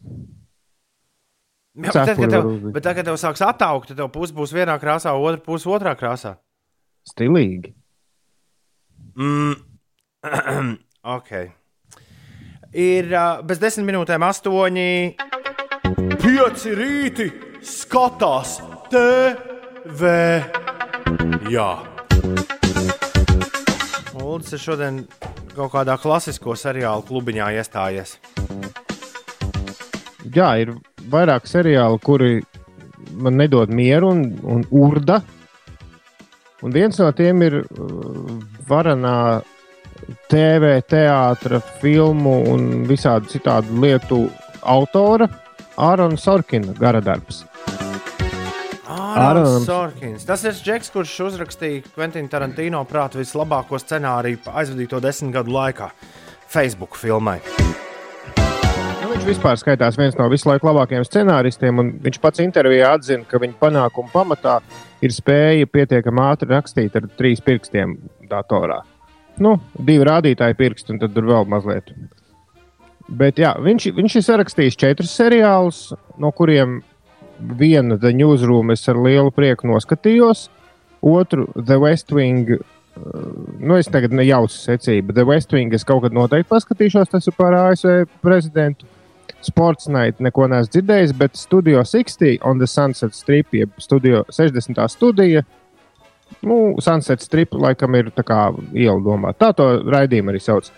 Ir seriāls, kurš bija ārk, skaitījās 2006. gadā ārkārtīgi daudz sološs seriāls.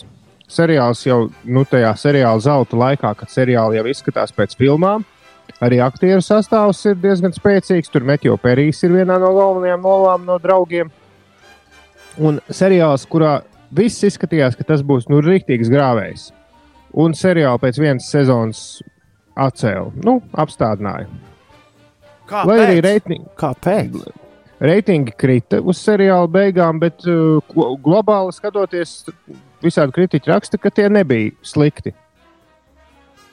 O, Un man pašai ļoti interesē, kāpēc to atcēla. Jo es esmu dzirdējis nu, gandrīz tikai vienīgi labas atsauksmes, ka tas ir viens no visu laiku labākajiem seriāliem.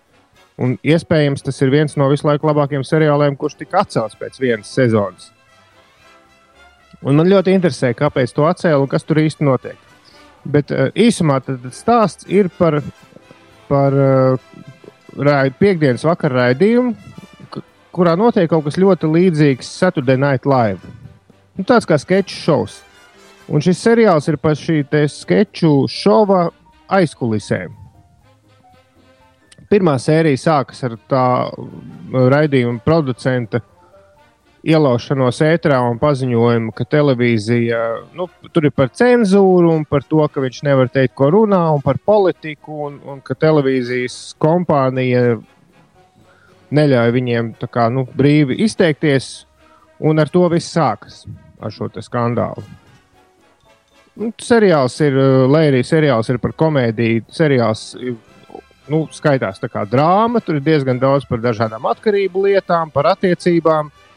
Nu, jā, un, un jau pirmajā sērijā var just, ka Ārona Sorkina spēcīgākais trumpis, eh, gari dialogi un, un tādi nu, rīktīgi dialogu tā kā pingponga spēle. Un, Kad tu jūti, ka Mm. tiešām, kad, kad tur pie visa, pie satura strādā meistars, tas tur tiešām ir jūtams. Uh, iespējams, ka viens no iemesliem, kāpēc to atcēla, ir tas, ka vēl viens seriāls, ko kaut kad gribētos paskatīties, 30 Rock, ir par ļoti līdzīgu tēmu, arī par komēdiju raidījumu aizkulisēm. Un ka NBC nevēlējās divus seriālus par, šādu, par, par vienu un to pašu. Nu, nezinu. Bet katrā ziņā pirma, viena sezona ir, kas nozīmē, ka tas nebūs ilgi. Un nu, seriāls, ko, par kuru runā vēl 14 gadus vēlāk, lai arī to atcēlītu pēc vienas sezonas, manuprāt, ir tā vērts, lai paskatītos. Vienīgais Sorkina seriāls, kurš esot atcelts uz, Jā, jā. eh, pēc vienas sezonas. Tā, un vēl ir Sports Night, West Wing un Newsroom. Tie ir viņējie. Jā.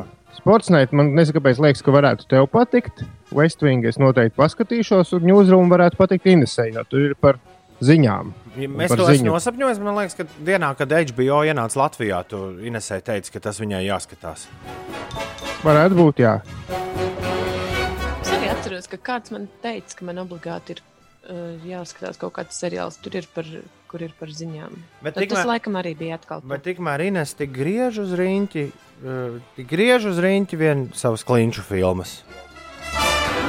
Katram savs. Labi, labi.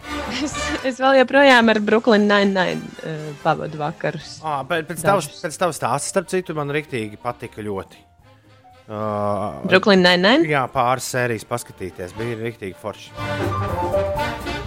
Un uh, vis, Jā. visam mūžam pietiks. nu, lai tiktu līdz galam. Bet uh, mazliet atgriežoties pie Studio 60 un The Sunset Strip, šis seriāls un vispār Sorkina gara darbi dara to, kas šajā laikā mums ļoti vajadzīgs. Viņi ievelk tādā spē, nu, spēcīgi izstrādātā un aprakstītā pasaulē. Diezgan dziļi šeit ienāk iekšā tajā šova aizkulisku visā būtībā. Tu iepazīsti dažādas profesiju pārstāvis, ko kurš dara. Un, nu, tā ļoti. Un, un kāpēc tas mums ir nepieciešams? Tavuprāt, Nu, nu, saki, kāpēc ka tas, ka tas šajā laikā ir nepieciešams. nu, šajā laikā paskaties, kas ziņās notiek. Es meklēju interesantās ziņas, joprojām dzīvoju pasaulē, kurā viss ir diezgan. Uh,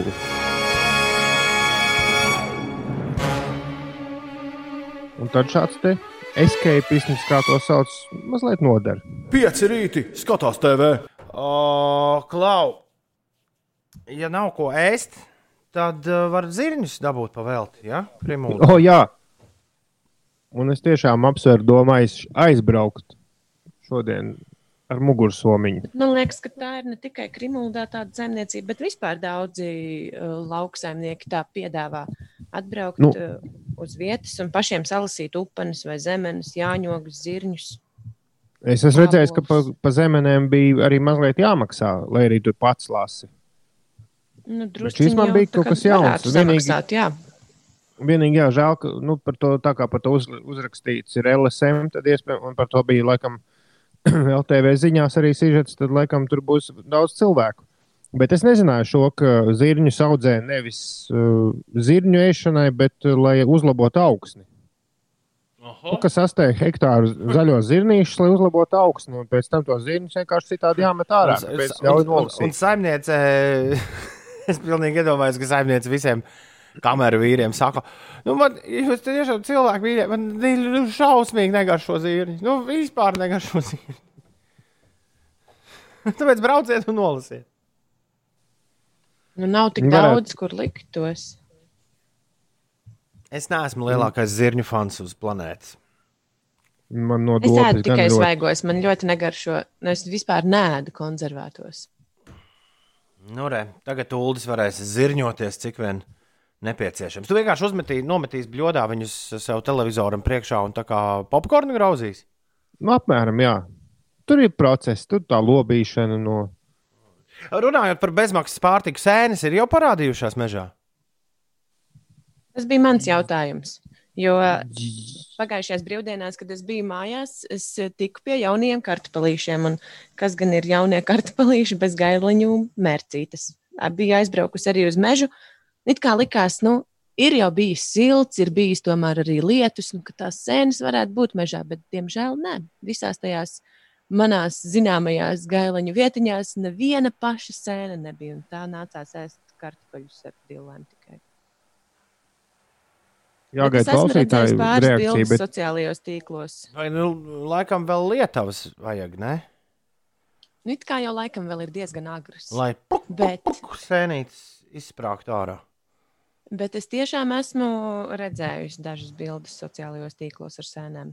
Tiesa, Twitterī bija ievietota bilde, kur bija apmēram četras mazas, mazas gailenītes, saceptas un uzliktas uz maizītes. Kāda vaina? Brusketa. Zemgales galā bija gailenis. Laikam tas atkarīgs no vietas, raksta Sofija. Un Inês palaid garām, kur tos zirnīšus var salasīt. jā, un cita Ines savukārt raksta, ka par tiem zirņiem arī tomēr ir jāmaksā.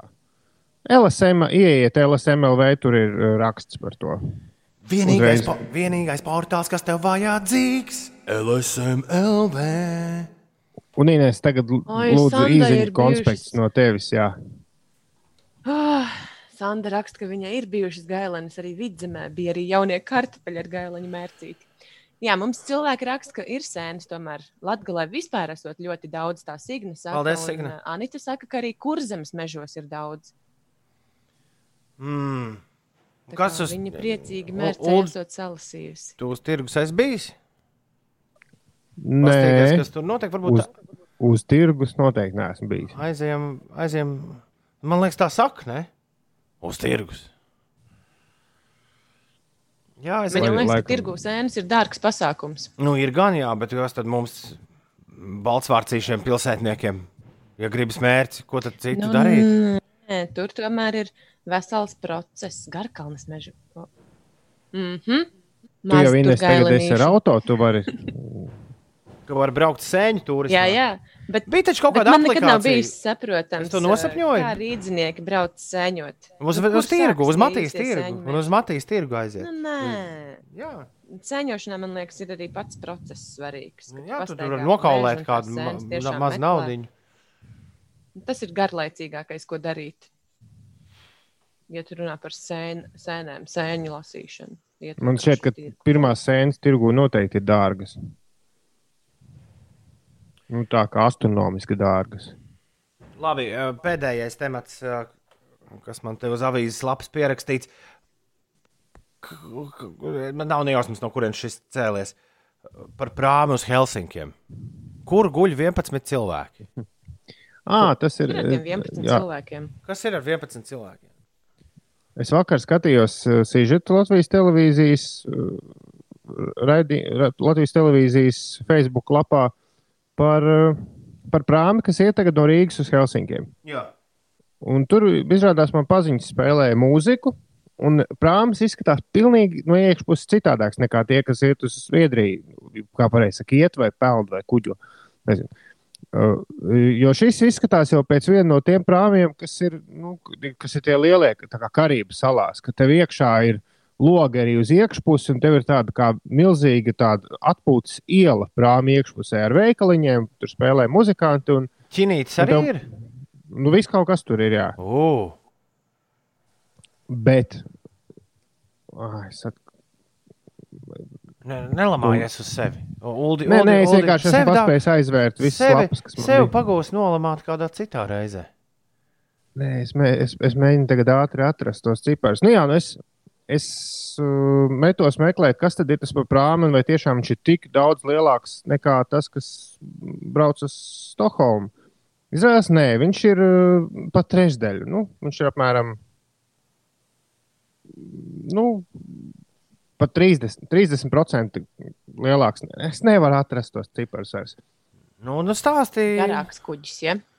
Stāsti kā Minhausens. Nu, piedomā kaut ko. Nē, nē, tā nevar.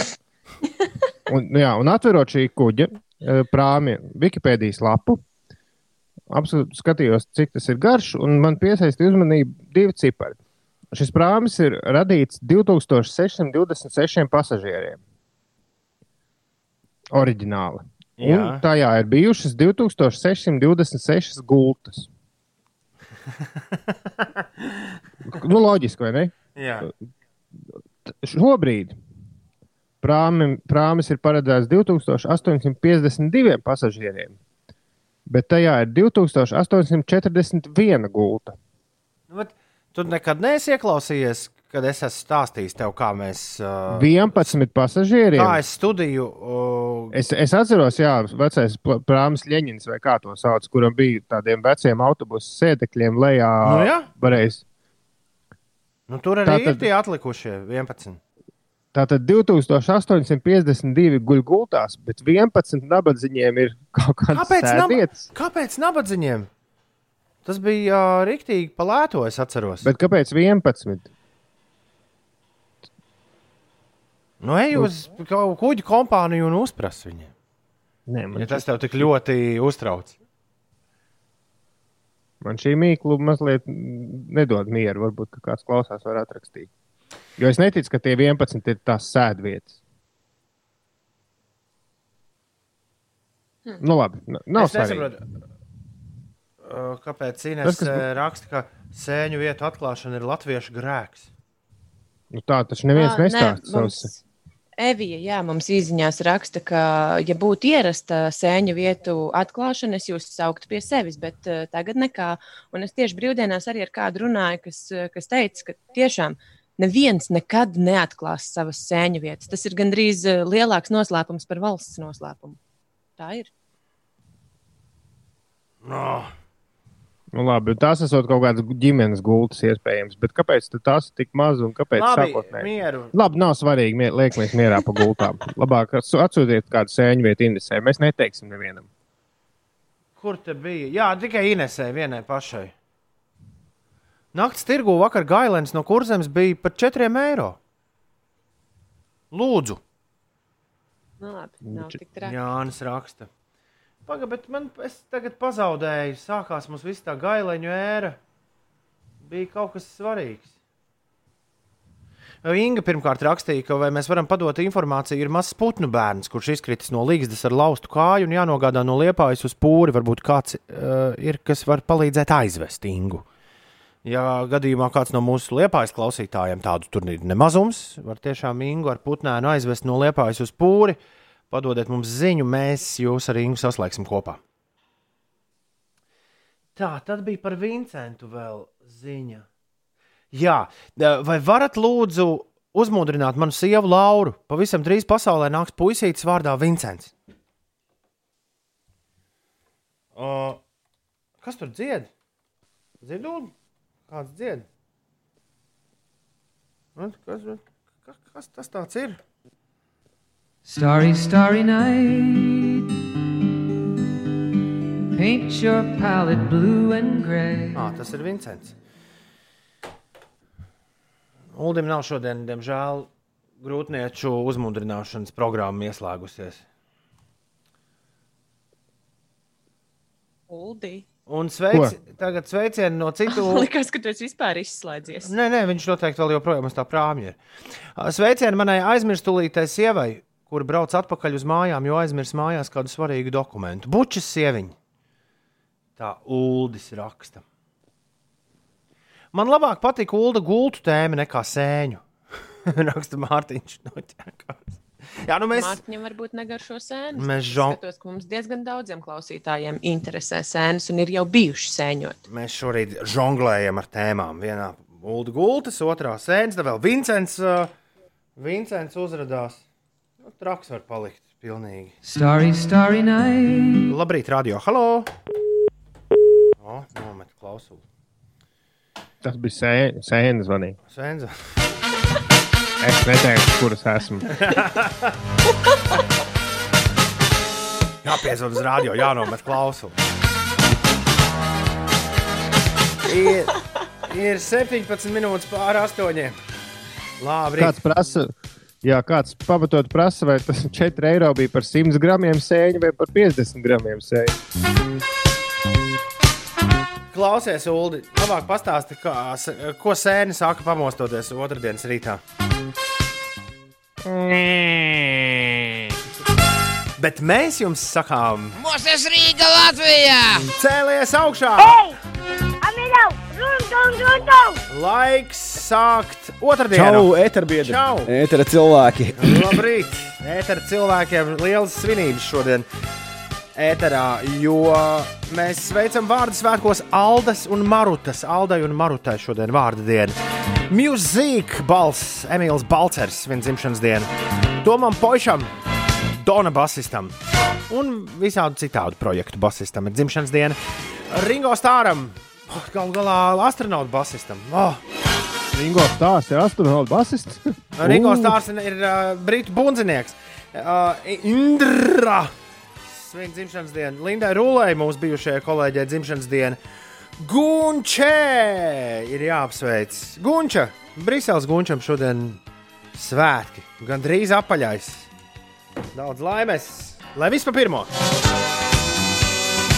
Un Edgars Peļņa šodien arī svin dzimšanas dienas sveiciens viņam. Viņš atgriezās no interesantiem pārgājieniem pilna šī, šīs vasaras sezona. Es domāju, viņš, viņš atgriezās, joprojām ir atgriezās. kungs Lādena takā, vai viņš atgriezās? Nē, bet Edgars, man liekas, dodas vis visādos pārgājienos eh, arī tepat Latvijā. Ok. Ieva raksta par gultu tēmu, Ulu gultu tēmu. Es minētu, ka tas ir kravas autošoferīšu dēļ, kur labāk dodas ātrāk uz priekšu un guļ savā auto nekā malkā kajumītē. Ir mazāk. Malkā varbūt. vai, vai mazāk. Jā. Nu, labi, tas, tas, tas nav pārāk nopietni. Tagad jāpēta tā gultu tēma. Es, meklēju, es meklēju, pameklēju Twitterī, vai nav kaut kādas cenas vai sēņu vietas, un es atradu ļoti interesantu uh, ap, nu, apgalvojumu, ka sēņu pagaidām vēl nav, ir tikai gailēns.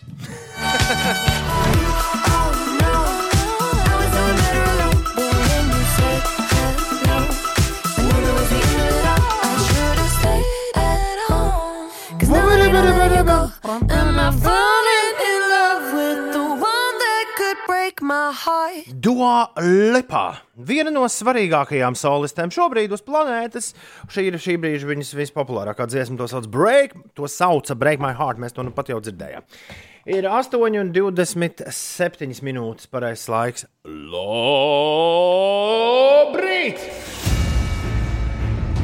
Ines, kas notiek? Ine, Inese, sastrēgumiem Inese, paskatīsimies. Halo. Dzirdi mani? Jā, jā. Jā. jā, jā.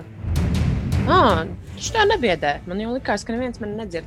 Ir mazinājies sastrēgums uz Jālgavas šoseis, braucot virzienā uz Rīgu, posmā no Dabas līdz Jaunolainai. Vismaz tā mums tā internetā rāda, ka tur ir jāpavada 16 minūtes. Varbūt tie, kas ir uz vietas, tie var pateikt īsto gaidīšanas laiku.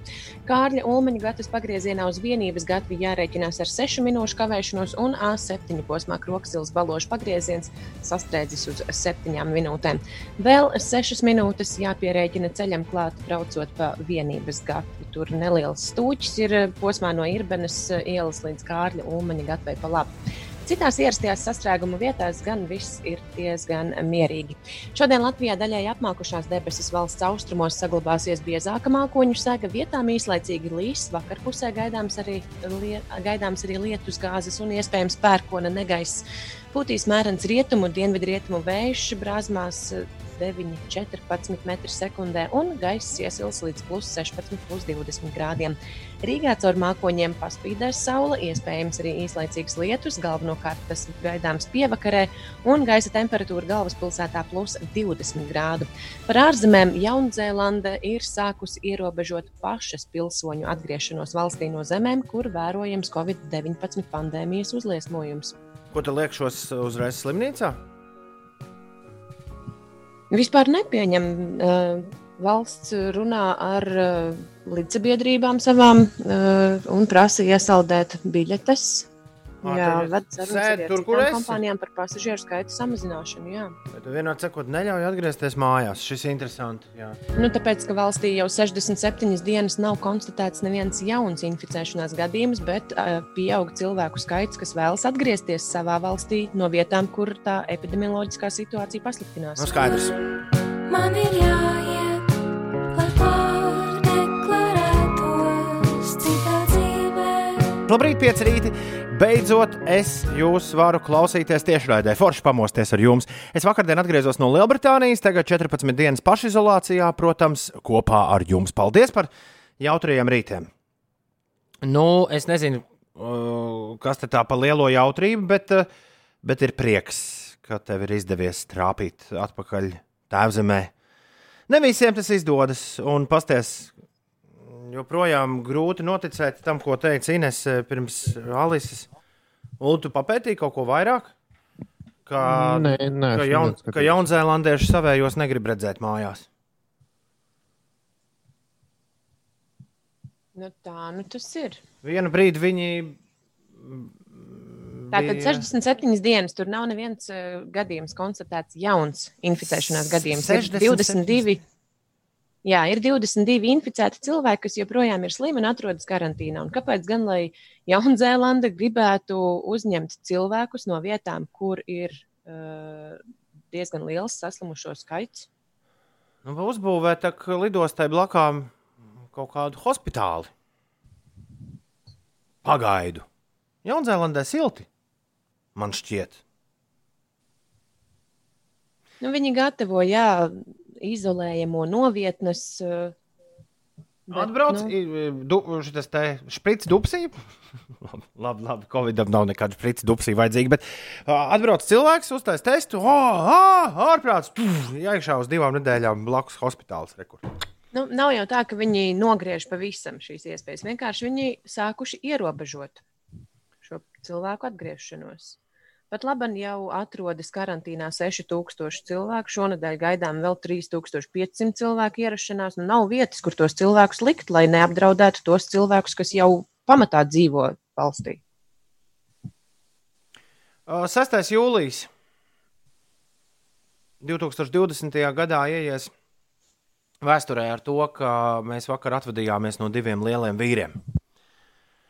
Viens no šiem vīriem ir uh, itāļu komponists, diriģents, trompetes spēlētājs.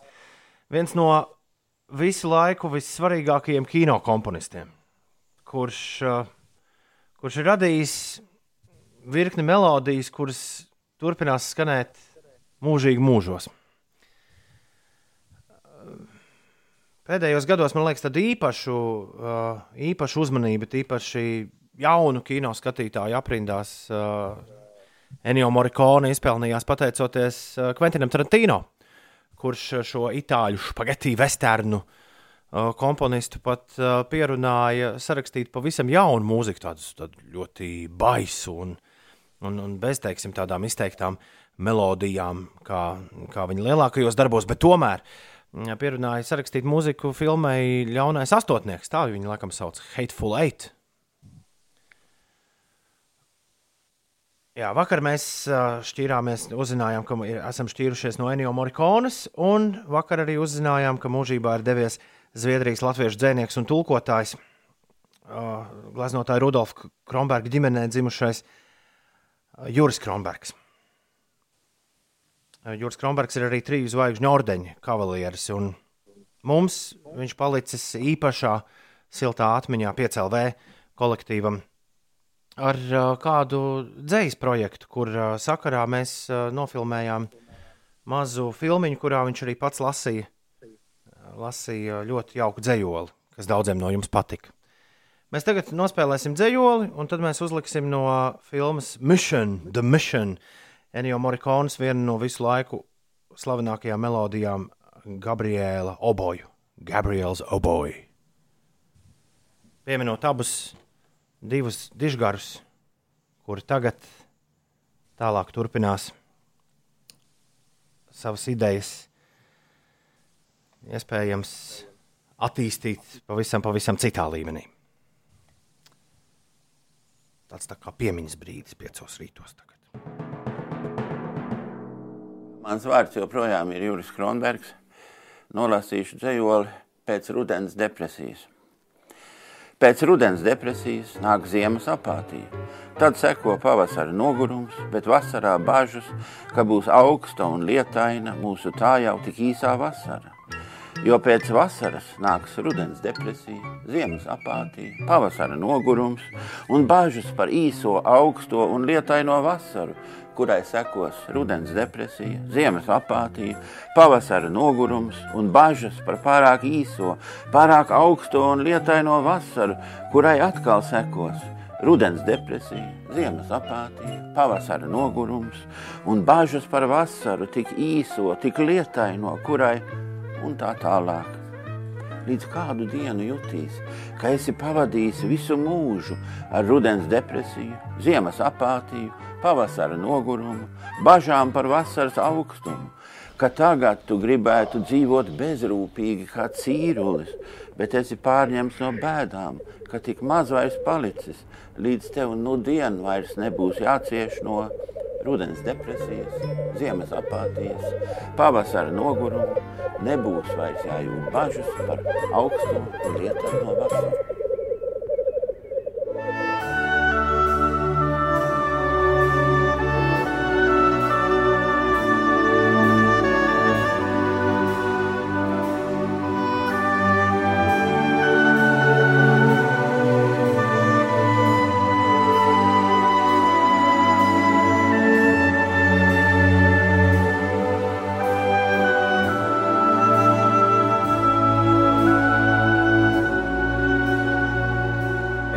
Morricone ir viens no tiem kino komponistiem, kuriem ir uh, Inês izdevies gandrīz neiespējamais. Viņa melodijas bieži vien ir daudz svarīgākas par filmām, kurām uh, tās ir sacerētas. Un nevienmēr tās melodijas saistās ar filmām. Piemēram, The Mission es neesmu redzējis. Es pieļauju, neviens no jums arī ne. Kaut arī varētu, bet es- varētu būt jauka skatām viela. Jā, Roberts De Niro, Jeremijs Irons. Izskatās ļoti labi. Kannas un Oskari. Un viss tur bija savā vietā. Uh, interesanti, ka es atcerējos, klausoties šo skaņdarbu no vakar mūžībā aizgājušā uh, itāļu komponista. Es atcerējos, ka man bija kas, viena no pirmajām kasetēm, kas man bija manā kasešu kolekcijā, bija tieši Polijā uh, Zaiks. Laika, ne, Zaigs bija kaut kas cits. Bet eh, Po- Polijā izdot pirātiskā Ennio Morikonas kasete, kur bija visādas melodijas iekšā, un arī, arī šī bija. Šī bija tur sastopama. Tev ir Ulu mīļākais Ennio Morikonas skaņu, skaņu celiņš, vai neeksistē tāda, tāda lieta? Viņam bija Once Upon a Time in uh, America. Viņam ir Once Upon a Time in the West, vai viņam ir arī Once Upon a Time in America? Tas ir labs jautājums. Viņš gal galā. Nē, tas bija. Se... Nē, Tas pagaid. bija tā režisors Sergio Leone. Jā. Jā. Jā, un jā, arī tas ir Marikone. Nu, tā laikam man ir visvairāk galvā skan. Tas ir Deboras tēma, tur ļoti skaisti tāda melodija. Man atkal, once, daudz, daudz. man atkal Once Upon a Time in the West plate ir mājās. To es ik pa laikam uzlieku ar lielu prieku. Tā galvenā šī vesterna um, tēma, man liekas, ir kaut kur pilnīgi no citas pasaules.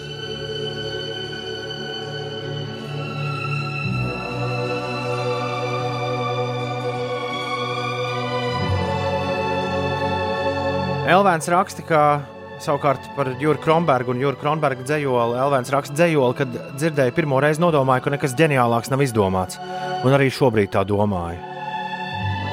Paldies, Elvēn! Un uh, Ines uh, Elvēns saka, ka Jālgavas Rīgas šosei šodien esot tīri ok. Tad labi, man prieks. Modulācija aiziet.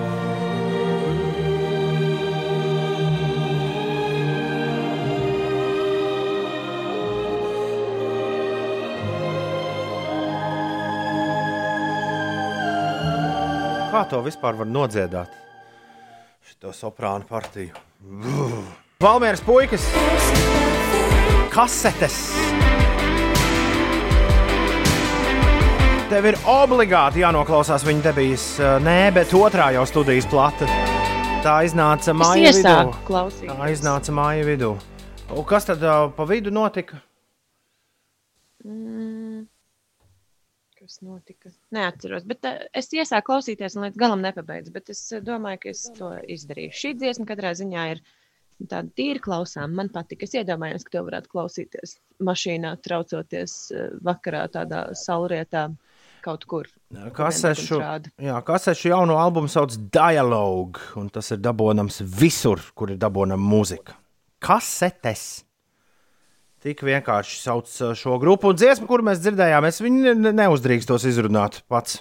Face grise. Les, le fes gris. Kas ir tas? Boigie francūži. Bez desmit minūtēm deviņi. Labrīt! Otradienas, ā, 7. jūlijā rītā Ines pēdējo reizi mums stāsta, kas notiek. Kā mums kāds klausītājs rakstīja, tad uh, autoceļš Jēlgava Rīga A8 esot tīri labi izbraucams, tad uzticēsimies uh, viņa stāstītiem. A7 posms Kroksils baložu pagrieziens ir šobrīd sastrēdzis uz 10 minūtēm, un Vanšu tilts braucot virzienā uz uh, centru. Uz Vanšu tiltu būs jāpavada teju 7 minūtes. Cik viet gan situācija visai eh, mierīga. Aktīvisti mudina paplašināt reklāmdevēju izsludināto Facebook boikotu arī Eiropā. Vairākas lielas kompānijas ir jau apturējušas jebkādu reklāmu šajā sociālo mediju platformā, jo uzskata, ka Facebook nedara pietiekami, lai cīnītos ar naida runu un neiecietības izplatīšanu. Tomēr eh, lielākoties reklāma ir apturēta tikai ASV teritorijā. Tā, lūk. Vēl par ārzemju vēstījumu Grieķijas, re, Grieķija reaģējot uz Covid-19 inficēšanās gadījumu skaita pieaugumu kaimiņu valstī Serbijā, atkal ar to ir slēgusi robežu. Tas darīts neilgi pēc tam, kad Serbijas galvaspilsētā Belgradā vienā dienā tika konstatēti vairāk nekā 300 jauni Covid-19 saslimšanas gadījumi un atjaunot iepriekšējie ierobežojumi. Grieķijas un Serbijas robeža būs slēgta vismaz nedēļu. No Grieķijas uz Serbiju mēs šoreiz nebrauksim. Mēs paliksim Grieķijā un ēdīsim fetas sieru ar olīvām. 8,52. Labrīt!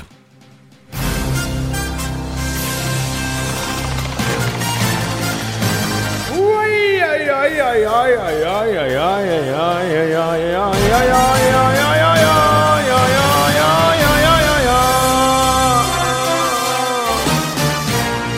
Interesantās ziņas ir klāts.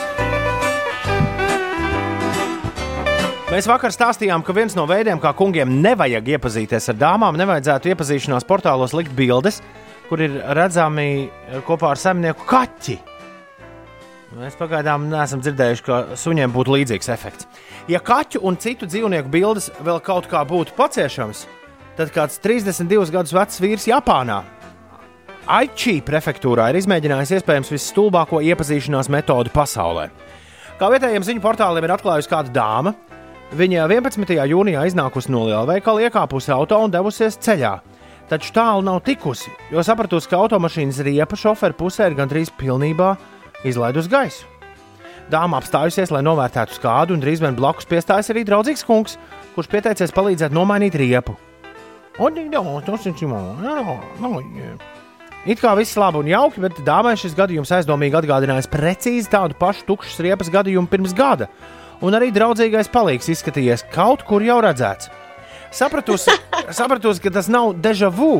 Dāma izsaukusi policiju un pastāstījusi, ka piedzīvojusi vienu un to pašu negadījumu jau otro gadu pēc kārtas. Pārbaudot novērošanas kameras, policists secinājuši, ka laipnais kungs pats ir pārdūris dāmas autoriepu īsi pirms tā iznākusi no veikala. Puisis ir notverts un īsi pēc aizturēšanas viņš atzinies noziegumā, taču teicis, ka viņa nolūki nav bijuši ļauni. Viņš tikai vēlējies iepazīties ar dāmu. Veicot pamatīgāku izmeklēšanu, noskaidrots, ka kungs vārdā Jošito Harada jau reiz 2013. gadā notverts, izdarot līdzīgus noziegumus. Turklāt uz viņa sirdsapziņas ir nevis viena vai divas riepas, bet vairāk nekā tūkstoši mēģinājumu iepazīties.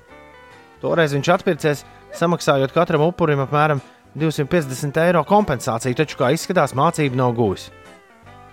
Un skumjākais šajā stāstā viņam tā arī nav izdevies iepazīties. Tas ir super bēdīgi, jā. Bet eh, kaut kas man nulda matemātikā neiet kopā. Ja viņam bija, Jā. ja viņam bija 1000 ļaudīm jāsamaksā 250 eiro, tad jau viņš ir bagāts vīrs. Jā, es būtu bagāts Nē, nu viņš, vīrs. viņš esot samaksājis tām dāmām, kuras esot pieteikušās kā upuri. Jā, es būšu redzot, dāsns. nebija gluži viss, jo nu, tā skāde jau bija tikai tukša riepa. Ā, Kāds indiešu vīrs, vīrs, kāds indiešu vīrs vārdā Nirvana B. apgalvo, ka uzstādījis jaunu pasaules rekordu, atskaņojot Rimska Korsakova leģendāro kamenes lidojumu ar ātrumu 1600 bīti minūtē. Cik ir 1600?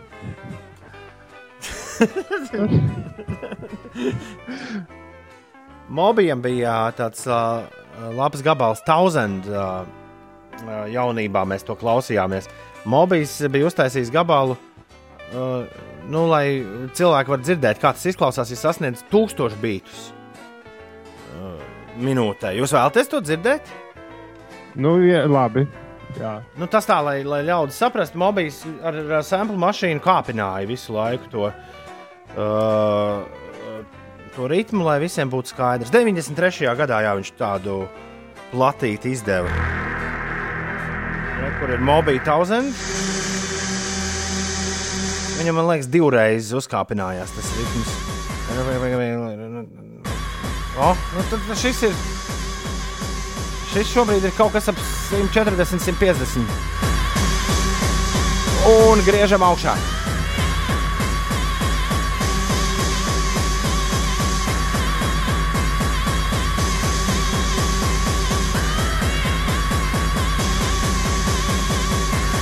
Iedomājieties, ja kas notika, ja klases vakarā šī to uzlika. Vēl mēs neesam ne tuvu tūkstotim. ne? Tu- Iet augšā!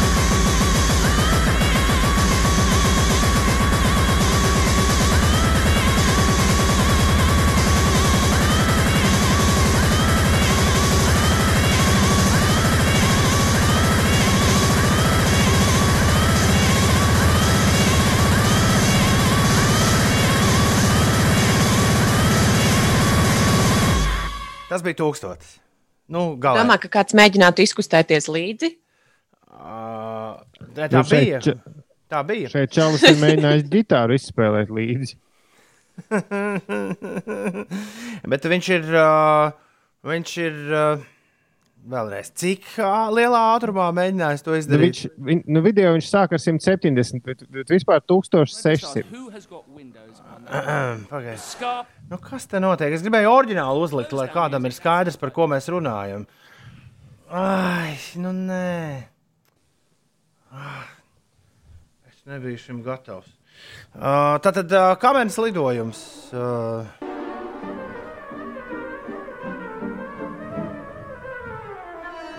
Vismaz Tomā un Džerijā kāds no jums šo būs dzirdējis.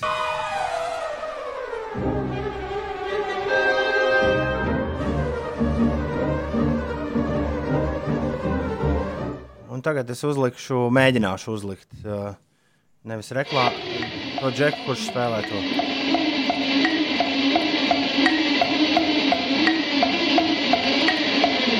Šis ir 170. Bet šis ir oficiāli uzstādīts. Nu, rekords ir pieņemts, ja? Uldī.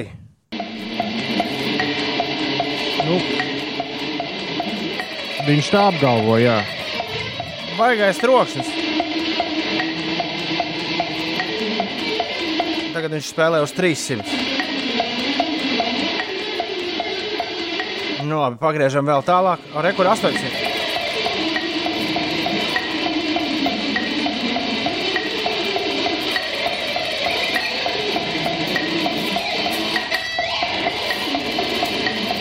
Pie tūkstoša viņš spēlē šī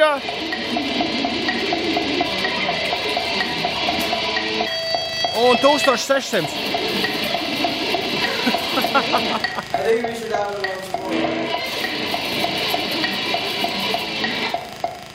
Nu, Lieliski. eh, kāds ir komentāros sarēķinājis, ka uh, 800 sitienu minūtē viņam prasa 15 sekundes, bet 3 sitienu, uh, bet 1600 prasa 3 sekundes. Tātad Lieliski. tas nevar būt īsts. Uh, šis bija raidījums 5 rīt. Īsts raidījums. Mēs būsim apakaļ rīt. Paldies, ka klausījāties. Visu labu! Atā! Tā!